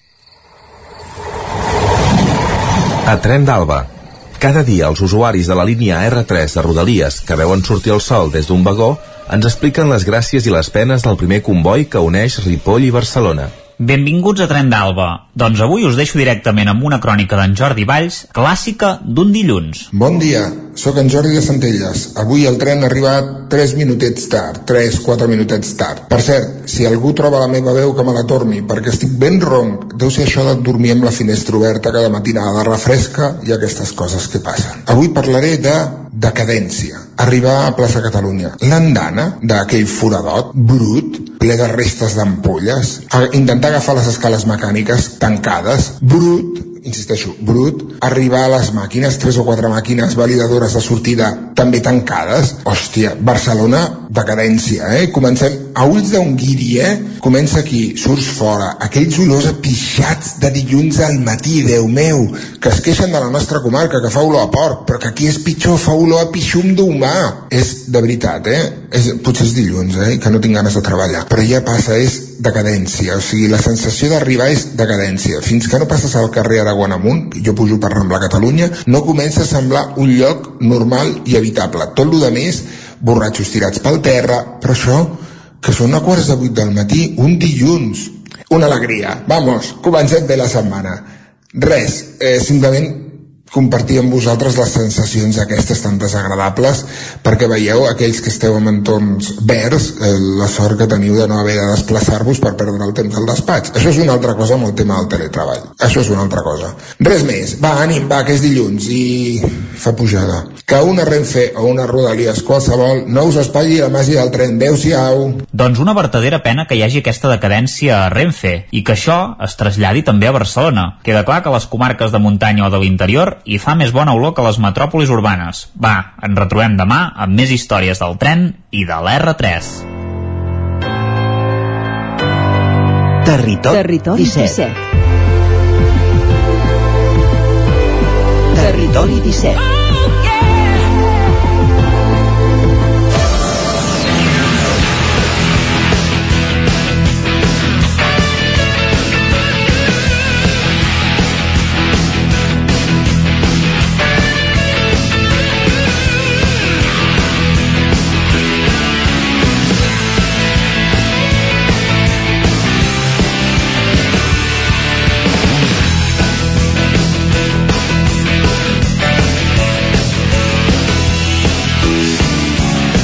3 minuts que passen de dos quarts de 12, rec de final del territori 17 amb la tertúlia esportiva com cada dilluns en companyia de Guillem Freixa, de Lluís de Planell, d'Isaac Muntades, benvinguts tots tres, bon dia. Bon Hola, dia, gràcies. Bon dia. Bon dia. I a veure de què parlem. Comencem parlant Gi- del Girona, si us sembla, tenint en compte que això, que dissabte es feia aquest partit de nada per ja l'eliminatòria definitiva per l'ascens a primera divisió, eh, empat a 0 al camp, eh, entre el Girona i el Tenerife. A Girona, Freixa, si no tinc mal entès, tu eres a Montilivi dissabte, eh? Sí, sí, sí, vaig anar a veure el, el partit um, sensacions una mica contraposades no? perquè uh, l'ambient espectacular um, el Girona a mi em va agradar vull dir, jo crec que va dominar uh, pràcticament tot el partit va disposar de les millors ocasions uh, un 1 contra 1 que va tenir Baena que bueno, se li fa una mica de nit i acaba xutant el ninot una falta de l'Eix Garcia que anava a l'escaire i també la treu el, el porter del Tenerife. Mm, vull dir un 0-0 però un partit distret i, i, i maco del, del Girona però no hi van haver gols i tot es decidirà a Tenerife, l'Eliodoro Rodríguez López aquest Clàssic, eh? estadi que, que, que fa, de, fa de bon dir no? Eh, És dels, Isaac, un clàssic, eh? Sí, sí, sí, sí. sí. sí, sí. I Pol Madrid, sobretot, sí. De bon no, record. Jo era molt petit, no me'n recordo jo. Ah, dels culers. I el, I el camp tampoc era igual com és ara, eh? Deuen haver fet algunes... No, l'han fet nou. L'han aixecat, no? Des de, des de que el Madrid hi va perdre lligues van dir que hem de fer el camp nou perquè no pot ser això. Oh, sí, no, que no quedi rastre de, de tot allò. No, i, i això, és clar, es decidirà a Tenerife... Mm, jo no tinc cap mena d'expectativa, ja us ho dic així de clar. Vull dir, en el, en el sentit ni, ni per bé ni per malament, que passi el que hagi de passar, perquè aquests dos últims anys um, jo sóc del Barça però tinc una afinitat bueno, especial amb, amb el Girona i, i he treballat i tinc molts companys i, i ho, ho visc. I aquests dos últims anys, ostres, les patacades han sigut tan fortes anímicament i, i, i en els últims 10 anys n'hi han hagut tantes de tan grosses de, de patacades amb la gent del, del Girona que jo crec que ara dissabte que ve mira, uh, que passi el que hagi de passar si el Girona puja bé si no aquest any jo crec que ja la gent tampoc no s'ho esperava massa arribar en aquest, en aquest punt de la temporada per tant... Però també és cert que el difícil ja s'ha fet que era eliminar l'Eibar i a més a més amb un sí. 0-1 en contra i llavors vas allà i remuntes. Totalment, eh? totalment. Girona, les coses fàcils no les sap fer. Mai, mai, mai. Ah, perquè el famós partit contra el Lugo que només havia de guanyar, sí. doncs... Eh? Bueno, només havia de guanyar i l'Sporting havia de guanyar per més de dos gols al camp del Betis i ho va fer vull dir, sí, que... amb un tongo brutal però ho va fer sí, vull dir, clar, combinacions així o hi ha un any, crec que és el 2009 ja fa uns quants anys, que hi ha el penal de, de Kiko Ratón, no? que un penal a l'últim segon sí. que, que sí, sí. si el marcava li donava la, la victòria amb el, però el Girona el va marcar sí, sí, però aneu, aneu a buscar el vídeo del YouTube com és aquell sí, penal. Sí, se li, escapa, se li escapa per sota el porter quan semblava que l'havia parat. Exacte, sí, sí. la passa així, la para amb, el, amb l'aixell al porter i se li acaba, amb el mur, sí, se li acaba uh, ficant cap a dintre. Mm, no sé, hi han uh, coses que et fan pensar, ostres, uh, aquest any és diferent que els altres anys, però no no, no, no es pot dir, perquè per exemple penso que els últims anys ja ha posat el sisè i el Girona és sisè sí, ja i, i amb el camp el Girona no ha jugat eh, mai me, menys el primer cop que juguen al playoff que em sembla que és el camp de l'Almeria amb el camp, o sigui, amb la tornada de la final del playoff a, a camp contrari, no? Sempre havia sigut a, a casa. Això clar, el Tenerife, a Tenerife fa dues setmanes que allà no es parla de res més de l'ascens a primera i més com són els canaris que són molt apassionats eh... Entre nosaltres hi ha una altra categoria però Depor, eh, Corunya només es parlava de l'ascens del Sí, Depor sí. que era eh, partit únic que això també hauria d'explicar algú Sí, sí. de la federació perquè una promoció juga partit únic i a més a casa d'un dels equips participants el Nàstic va haver d'anar també Mhm. A Vigo, a, no? a Vigo però això és un altre tema però eh, vull dir, a partit únic el, el, el, el Corunya ho havia fet tot estava, sí, sí eh? I, i ja ho vas veure eh, comença marcant, empaten i la pròrroga i el, els últims minuts de la pròrroga de l'Albacete marca i s'emporta eh, l'ascens vull dir que mm, el fet de que se'n parli tant i això tampoc és, no. és motiu de, de gaire res i a vegades aquesta, aquesta pressió tan exagerada no? perquè Tenerife sí que és veritat que es veu com una oportunitat històrica de pujar primera en el sentit que, que són un equip que ja la van tastar, que van tenir no? sobretot a, als anys 90 doncs, una, una trajectòria força consolidada a primera divisió que ara ho tornin a veure tan a prop eh, que se'n parli tant, que siguin així tan, tan apassionats, doncs això jo crec que el Girona ho ha de portar cap al seu territori i jugar amb aquests nervis um, i intentar uh, doncs fer el que li han fet amb el Girona els últims anys de fet, perquè fa dos anys l'Elx uh, s'empata allà al camp de, de l'Elx, el Martínez Valero. Jo crec que tothom ja ho donava per fet aquí a Montilivi que, que es guanyaria i es guanyaria bé i es pujaria és un partit gris, gos, lleig i acaba pujant a l'Elx i l'any passat amb el Rayo igual, clar, guanyes bé al camp del Rayo tens la tornada a casa amb la teva gent que també ja semblava que tot eh, seria un passeig militar i t'acaba sortint el tiro per la culata. I mires la, els gols fets eh, pels equips locals en aquesta promoció i veus que n'hi ha dos, un del Tenerife precisament mm -hmm. i, bueno, do, eh, i un de, de les Palmes però que ja no li servia per no. res perquè va, va perdre un a 3 vull sí, dir que és més eh, complicat fer gols a casa que no pas a fora sí. el Girona els dos gols que fa eh, els fa eh, a Eibar i l'Eibar l'únic gol que fa el fa a Girona mm -hmm. vull sí. dir que des d'aquest punt de vista les estadístiques que no, no volen dir res però les estadístiques estan a favor del Girona Sí, no, i les sensacions no, en, el, en el sentit d'aconseguir això, eh, uh, girar aquesta pressió perquè segur que l'Heliodoro estarà uh, a rebentar perquè em sembla que la setmana passada es van posar les entrades a la venda i van durar el mateix que un Carmel a la porta d'una escola vull dir que... Com els de Bruce Springsteen, vaja. Sí, uh, exacte. Uh, que hi haurà, em sembla que és 20.000 i pico persones uh, o 20.000 i poc persones a, a l'Heliodoro mm, si tens la sort de marcar d'hora i posar els nervis al rival o al contrari, que el partit es vagi mantenint viu fins l'últims moments ostres, eh, aquí és on tu has de saber fer forat. I llavors l'experiència.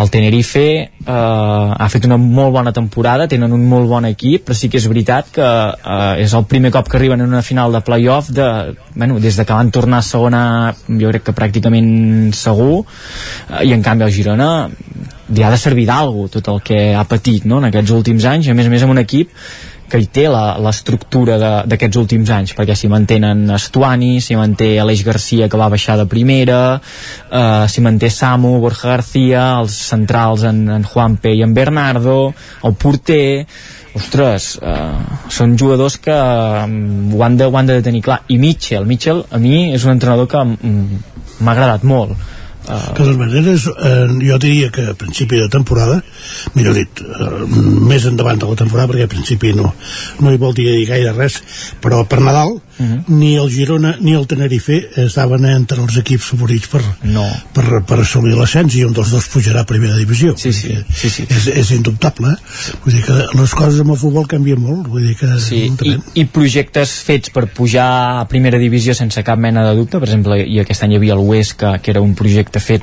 pensat i únicament dissenyat per fer el salt a primera divisió han fracassat estrepitosament. I el Leganés igual. Eh, o l'Sporting que era un dels equips que el primer quart de temporada doncs, estava dalt, es va desinflar d'una manera brutal i li ha anat del canto d'un duro que no, que no baixa de, de categoria.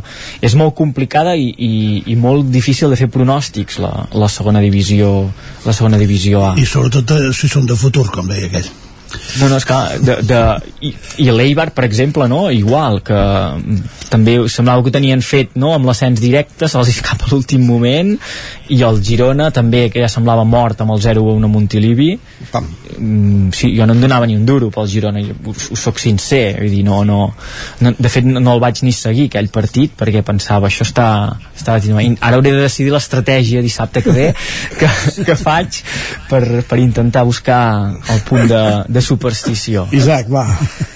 No, jo, clar, jo ja sabia que el Girona no guanyaria el partit més que res perquè li vaig enviar un missatge en Freixa dient-li que guanyaria 5 a 0 al sí. Tenerife Montilivis uh, i que aniria primera fàcil i sense petitar llavors aquí es va I, fer el gafe i, i amb 5 gols d'un Sant Joaní, no? Suposo, volies dir també sí, no, bueno, en pròpia porteria ho deien d'haver sí. estat, no en aquest cas però vull dir que, que, que en aquest cas no, no, el Girona no va guanyar 5 a 0 evidentment, uh, partit molt, molt igualat uh, en certa manera el Tenerife és l'equip que em sembla que millor defensa té de la categoria. Per tant és un equip a qui li costa fer gols. També és veritat que potser la pressió ambiental no, no, el Guillem ho deia, eh, que ell va estar en el partit i sí que és veritat que el Girona va, va, va ser millor i segurament va mereixer fer algun gol però bueno, hi ha aquesta pressió de que cada any hi arriba i que al final, clar, un cop s'ha de pujar a primera, perquè si s'arriba tant també la gent t'exigeix que, que, que, que algun cop hi arribis, no? Perquè és que, que, és que cada any està és que pràcticament al final del play-off. El més gafe de tot és que ningú s'imaginava baixar l'any que van baixar, tampoc, perquè no. va ser una temporada que no ho van fer malament. Sí. És, és allò que... Exacte, no, el Girona és un equip que té, uh, sí, exacte, molt mala estrugança, vull sí. dir, que, que té moltes desgràcies i, i en play-offs, uh,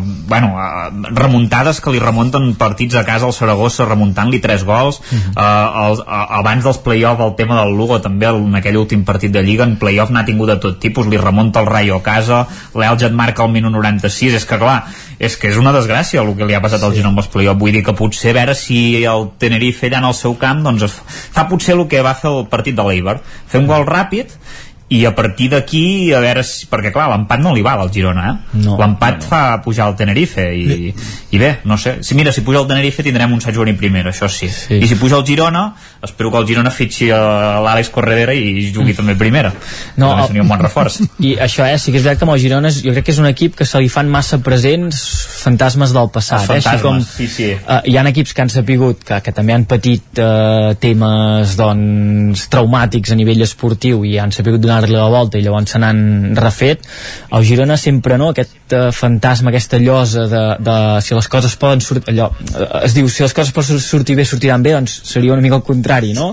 si pot sortir malament sortirà malament perquè mm, realment aquests últims anys l'ai ai ai aquest uh, ja ha sigut molt, molt constant quan segurament tenies més potencial que els teus, que els teus rivals. I la setmana que ve es, es produeix també un altre fet rellevant a, a Girona que és que en un cap de setmana eh, podrien pujar al futbol i al bàsquet a la màxima categoria de, sí. estatal, de, a nivell espanyol i això és gros perquè estem parlant de, segurament dels dos esports amb més seguiment mediàtic de d'aquí sí, sí. de, de, del, del, nostre, del nostre país I històricament més el bàsquet que el futbol a Girona. a Girona sí, sí, sí, sí i això, hi ha aquesta falera pel bàsquet que um, també a mitja temporada no pensaven que, perquè no van començar massa bé, s'hi incorpora Marc Gasol ah, que és, és clar, aquesta és la clau sí, eh? sí, sí, és la clau però també ha, ha sigut un revitalitzador a nivell de tot l'equip perquè òbviament que és diferencial eh, l'aportació de Marc Gasol a la, a la pista però també eh, que els altres s'impliquin i que facin un pas endavant doncs també és, és mèrit de tot,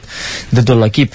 Per tant ja, a Girona eh, s'està una mica amb aquesta, amb aquesta doble situació eh, de mm, aviam què passa però seria molt gros que acabessin pujant tots dos no sé com, com anirà el problema és que si puja el bàsquet vol dir que no pujarà el Lleida que això amb els equips catalans sempre ens toca el rebre uh, uns amb els altres el cas és que bueno, jo com que sóc de província de Girona sí. no, tinc, no tinc problema no, no. jo vaig amb el Girona clarament vosaltres sí que heu de mantenir una mica més de neutralitat també, no, també és cert que mirant històricament els projectes esportius han estat sempre més consolidats a Girona que a Lleida eh? perquè... sí. bueno, Girona amb el bàsquet en podrien sí. explicar algunes eh? de, de grosses sí. també sí, sí, sí, sí. que ens van tocar de prop també aquí a la, a la capital d'Osona. Ah, que es vaio sí, sí, sí. Eh, de totes maneres el, si eh, això passés eh, en el sentit positiu el Girona tindria eh, bàsquet, futbol i hoquei sí, sí. a la màxima categoria. I el bàsquet masculí i femení perquè l'Uni Girona ha sigut la punta de llança de, de l'esport eh, professional, d'èlit o de primer nivell en aquests últims temps competint per Europa. Per tant l'escenari esportiu eh, eh, a Girona. Pot ser molt bo, pot ser 50 i 50 en funció del que passi o pot continuar sent com ara si no pugen, si no pugen cap dels dos. Jo sí que veig que el, el Girona, el futbol um, si no és aquest any ostres, tornar a arrencar un altre cop de nou quan això, eh, que l'has tocat amb els dits 3 anys, és molt difícil eh? segurament si els últims anys he dit el mateix i ha acabat tornant a, a aparèixer l'oportunitat. En canvi al bàsquet jo sí que hi veig més recorregut o sigui, el, el, el bàsquet... Bueno, si es manté, si es manté Marc Gasol a l'equip, sí, sí, jo crec que es, es mantindrà Marc Gasol alguna temporada Sí. més, ja sigui a ACB o, o, o a l'Ep- a l'Eport. Que el projecte del, bar, del bàsquet potser té més recorregut i no tenen aquesta obligació de, de pujar aquest any que aquest any és com un primer regal de ostres ja hem arribat, ens hem classificat Jo pensava que agafarien el Pau al final. el, perdona? El Pau Gasol. El, el germà sí. que jo no sé, el- l'altre germà jo no sé si a nivell físic ja també si està més fotut eh? però per l'Eport ja, ja No, el Pau Gasol ja s'ha retirat, ja està, ja està fora. i també són, jo crec que també són maneres de fer diferents, no? Que en Marc no li ha fet absolutament res uh, baixar... Home, és el president, eh? Ja, ja, però Sí, sí, sí, sí, podria sí. haver quedat al marge i gestionar i prou. Bueno, com feia fins fa dos dies, que estava als Estats Units i, sí, i ell anava gestionant. També en Piqué és president de l'Andorra i no... bueno, ara no podria, eh, baixar al camp, però no. vaja, no m'ho imagino. Sí, sí, sí. Però, bueno, jo Piqué, per exemple, és un perfil que no el veig, des, no, no ho descarto que acabés fent aquest pas, no? Que, no sé, eh, d'aquí dos, tres anys digués, tu, em poso amb l'Andorra i acabo la meva carrera allà. Home, ara ja no té tantes obligacions, no?, aquí a Barcelona. No? Vull dir, clar, mm, abans poder estar una mica més lligat, ara potser ja no Sí. tant, no? El Pau Pedro Carrera, simplement. Sí. Jo no... sí. O sigui, hi ha moltes ganes de fer-lo de, de fer fora. Amb en Piqué? No, home, pels 28 milions Sí. que cobra, vull dir, simplement per Bueno, això. però es, es negociarà una rebaixa, no? Sí, allà, però mm, una, una cosa és rebaixar i l'altra cosa és que no li hagin de pagar un dia o l'altre. Sí, bueno, però aquí... No, o sigui, que condonar ja ho va fer. Una cosa és rebaixar, l'altra diferir, vols dir. Exacte, com la Cospedal, vull dir que... mm, Diferit. bueno, aquí és el que diem sempre eh, s'haurà de veure el- la, la voluntat d'una i l'altra part no? fins a quin punt estan decidits a cedir cada un i com valoren la seva situació esportiva i personal I si poden fitxar un central al Barça, esclar. Sí. Perquè, esclar, si se'n va l'Untiti en, en l'Englet i en, en Piqué, potser llavors, llavors sí que els hi farà falta algun central. Eh? Sí, bueno, és la feina que s'haurà de fer, no? En en moltes posicions s'haurà d'anar fent això i per això també es posen doncs, a la porta de sortida jugadors que potser fa un temps no, no s'hi haguessin posat i que ara els has de posar per diversificar Frenkie inversió. Mm, Per exemple, Per exemple. Uh, Frenkie de Jong, sí, sí, Frenkie de Qui, Jong. qui fitxarà el Barça aquest, aquest estiu? Tinc molta curiositat, perquè no hi ha pas diners, no, per fitxar Le Lewandowski té moltes ganes de venir. Sí? No sé d'on sortirà el Sí, bueno, ja, ja ho veurem, eh? Sí, sí exacte. El, el Bayern ja li van dir que, que complirà l'any de contracte i que ja ho veurem. Vull Sí. dir que jo tampoc ho tinc tan clar, eh, que vingui Lewandowski. Bueno, Lewandowski, el Bayern ha de fer el seu paper, ha de fer el paper de és el jugador té contracte aquí i no el deixem sortir. I totes maneres, el Lewandowski deu tenir 34 anys, no? Sí, 33. En no? farà Sí. 34, sí. sí. Però és un fitxatge de futur. De Sí. futur. No, de futur no. De futur Com el de Dani Alves. Un, sí, un futur dels veterans del Barça. Sí. No, és un futur... Exacte, és un, és un, exacte. no, el futur es diu Gavi, es diu Pedri, es diu Nico, es diu Ansu Sí, Fati. però Gavi ha acceptat ja l'oferta o no de Bueno, renovació? uh, perquè estem, s'estan estem, això. No, però, no l'ha acceptat, clar, eh? No hi ha projecte, no hi ha projecte. Sí, sí que hi ha projecte. Són aquests jugadors els que han el, que ha, el que no hi ha diners, projecte ni pot fer el que vulguis. Bueno. Oita el Madrid. El Madrid ja ha fet els deures. El que fa Ah, el sí? Madrid és, és lo fàcil. Com que és lo fàcil? És anar a cop de talonari. El de talonari. Rudiger ha vingut gratis, que jo sàpiga. Bueno, sí, però se li ha de pagar una fitxa i segur que és una fitxa Bueno. elevada que ara mateix el Barça, per exemple, no podria Bueno, assumir. però ha vingut gratis i han fitxat a Aurelien Chouameni que és un dels futuribles més, més, bueno, més importants de, sí. del món del futbol i, i que jo no l'he vist jugar realment però Ah. és igual, l'he vist només una jugada que li treu la pilota a Mbappé ja em sembla prou suficient per haver-lo També n'hi havia un... per, recordo per haver-lo fitxat Rever, recordo un que feia bicicletes que es deia Robinho que també Hosti, sí. havia fet una bicicleta i ja el va fitxar al Madrid com la gran estrella En Robinho. Ah, bueno, d'aquests te'n podria dir milers del Barça, eh? vull dir que no... Com, comencem per... Uh, bueno, Dembélé per mi no ha triomfat, per exemple, eh? vull dir que comença, i aquest va costar bastant més que Robinho, eh, em sembla, i Coutinho... Són i... èpoques diferents. De totes maneres, Bueno. bueno. que, que un culer parli de que el Madrid treu el talonari sí, sí, exacte. per fitxar, perquè eh, mira que en fot d'anys que ara perquè no teniu ni talonari ja, però, però ho heu fet sempre no, eh? Bueno, sempre, sempre tampoc, Home, eh, els, els cèntims d'en- d'en Figo on van anar a parar? Sí, bueno, van amb en Petit i l'Obermar s'han anat a parar. Exacte. Els, exacte. els, cèntims de, de, de Neymar, De Neymar. van anar a parar. Vull dir que... Sí, però, però, per exemple, el, Ma- el Madrid la, la temporada passada va gastar-se 30 milions només, eh? En fitxatges. va fitxar Camavinga i prou, eh? Vull dir que és que clar... els grans projectes No sé. al Barça o el, uh, Sí. els grans records al Barça són enfornades de jugadors uh, o planter, fets a la casa o arribats en, els, en les últimes categories del futbol base ara això ja ho dic perquè en Lluís no em digui que, De que Ferran tots- per exemple, que us l'heu venut. no, però eh, jugadors que han anat, que han anat ar- arribant des de sota i s'han anat consolidant uh, digue-li Sergio Busquets, digue-li en Pedro uh, Xavi, Sergio Iniesta, Busquets, del, del Iniesta Barça, eh, o sigui, en Sergio Busquets l'únic que ha jugat amb el Barça és amb el, amb el primer equip. I amb el filial, no? També havia jugat i no, no arriba de jugar. Jo el recordo que On, on havia jugat? Al Badia del Vallès havia jugat? O com? Bueno, ah, no, però va ser una pregunto, aposta, Eh? No s'ha de tenir vista, s'ha d'apostar per aquests jugadors també. Vull dir, I s'ha de tenir és sort. així. Bueno, sort, sí, és clar, sort, confiança, eh, hi ha molts factors en el futbol que sabem que, que t'acaben decantant cap a un cantó o cap a l'altre. Eh, també, si comencem a repassar joguines trencades, n'hi ha un pilot de joguines trencades en el, en el Barça. I, I precisament, ara que deies lo de Ferran Juclà, jo crec que Ferran Juclà és, és molt murri. El, Sí, sí, sí. el que ha, ha fet bé, eh, jo crec. jo crec que ha estat molt bé perquè ha aprofitat l'oportunitat que se li ha donat en el primer Exacte. equip que segurament a principi de Sí, temporada sí. no hi comptava s'ha posat a l'aparador i se'n va a una lliga on doncs, serà Fer, un equip Ferran Juclà és un nano que vol jugar a futbol Sí. que ell els diners li, és secundari i sempre ha estat així que ja ho vam explicar una vegada se'n va venir a jugar al Sant Julià de Vilatorta durant un temps perquè volia jugar bueno, que vol ser professional d'això vol, sí, vol... sí, i volia ser professional i ja ho deia de petit i, al final pues, serà professional i jugarà amb un equip de Champions Sí. i ojalà us toqui en el Barça o el Bruges i us faci un parell de gols perquè, perquè, perquè, i, Ai, i com perquè. Exacte, bueno, també, també, també, també podria ser, però si els fan al Madrid, en tot cas que el Madrid en faci més. El, és que el Madrid no ens hem de preocupar, és que, és que el Madrid, a veure, venim d'un triplet al Madrid. Vull dir que no ens hem de preocupar. Triplet? Sí, la Supercopa d'Espanya. ara la compta, ara la compta Home, clar. No, però vull dir, vosaltres, clar, veniu d'un nadaplet. En català seria, en català seria un resplet, Ja, en aquest saps, cas. ja però- saps, veig, coneixes el terme perquè saps de què va, ja ho entenc. sí. bueno, vosaltres també, eh? Ho sabeu bastant. I, espe i espera't, espera't. Aquesta temporada em sembla que tampoc serà gaire prolífica, eh? Com no hi hagi Això. un canvi substancial important. Sí. Com no s'activin les palanques aquestes famoses, que no... Però això ja es va veure aquesta temporada, quan, quan en el terreny de joc van coincidir Pedri, Gavi, eh, Ansu Fati crec que no va arribar encara a debutar quan hi eren aquests eh, jugadors, però que el Barça va carburar d'una manera doncs eh, que, que feia enorgullir, que, que guanyava partits eh, amb comoditat, amb solvència, demostrant un estil de joc.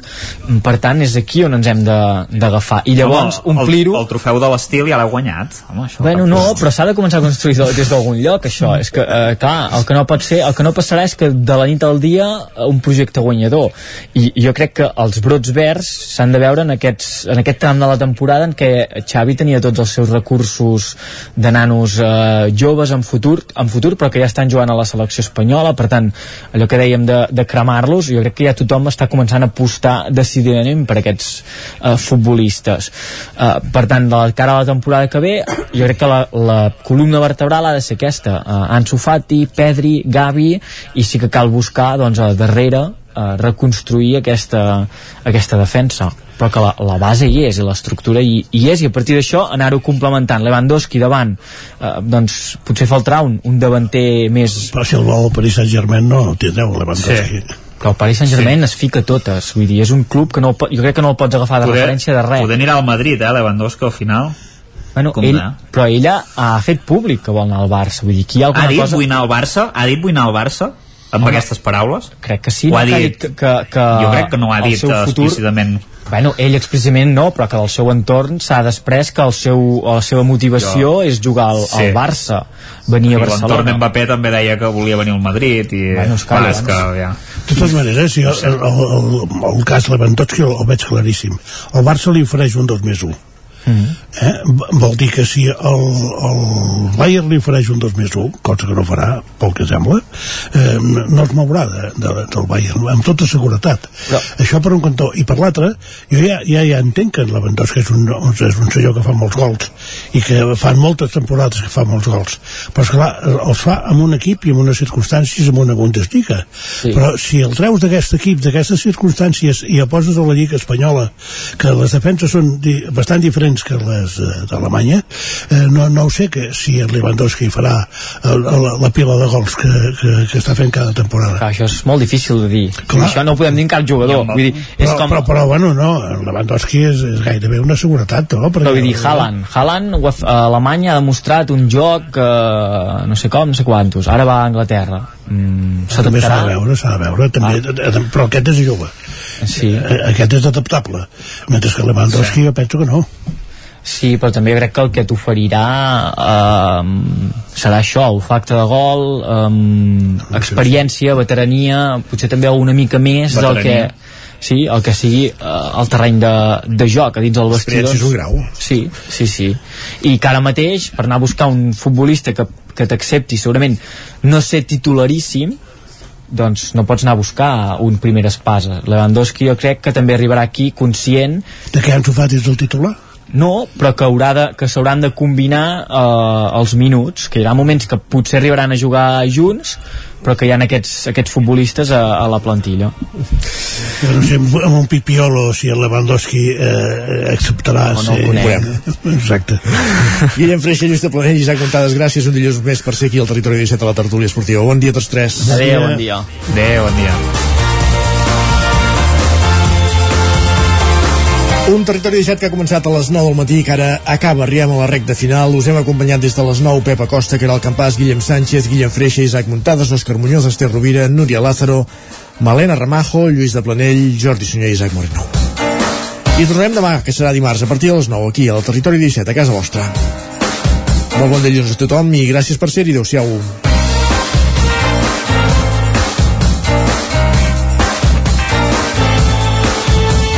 Territori 17, un magazín del nou FM. La veu de Sant Joan, Ona Codinenca i Ràdio Cardedeu amb el suport de la xarxa. El nou FM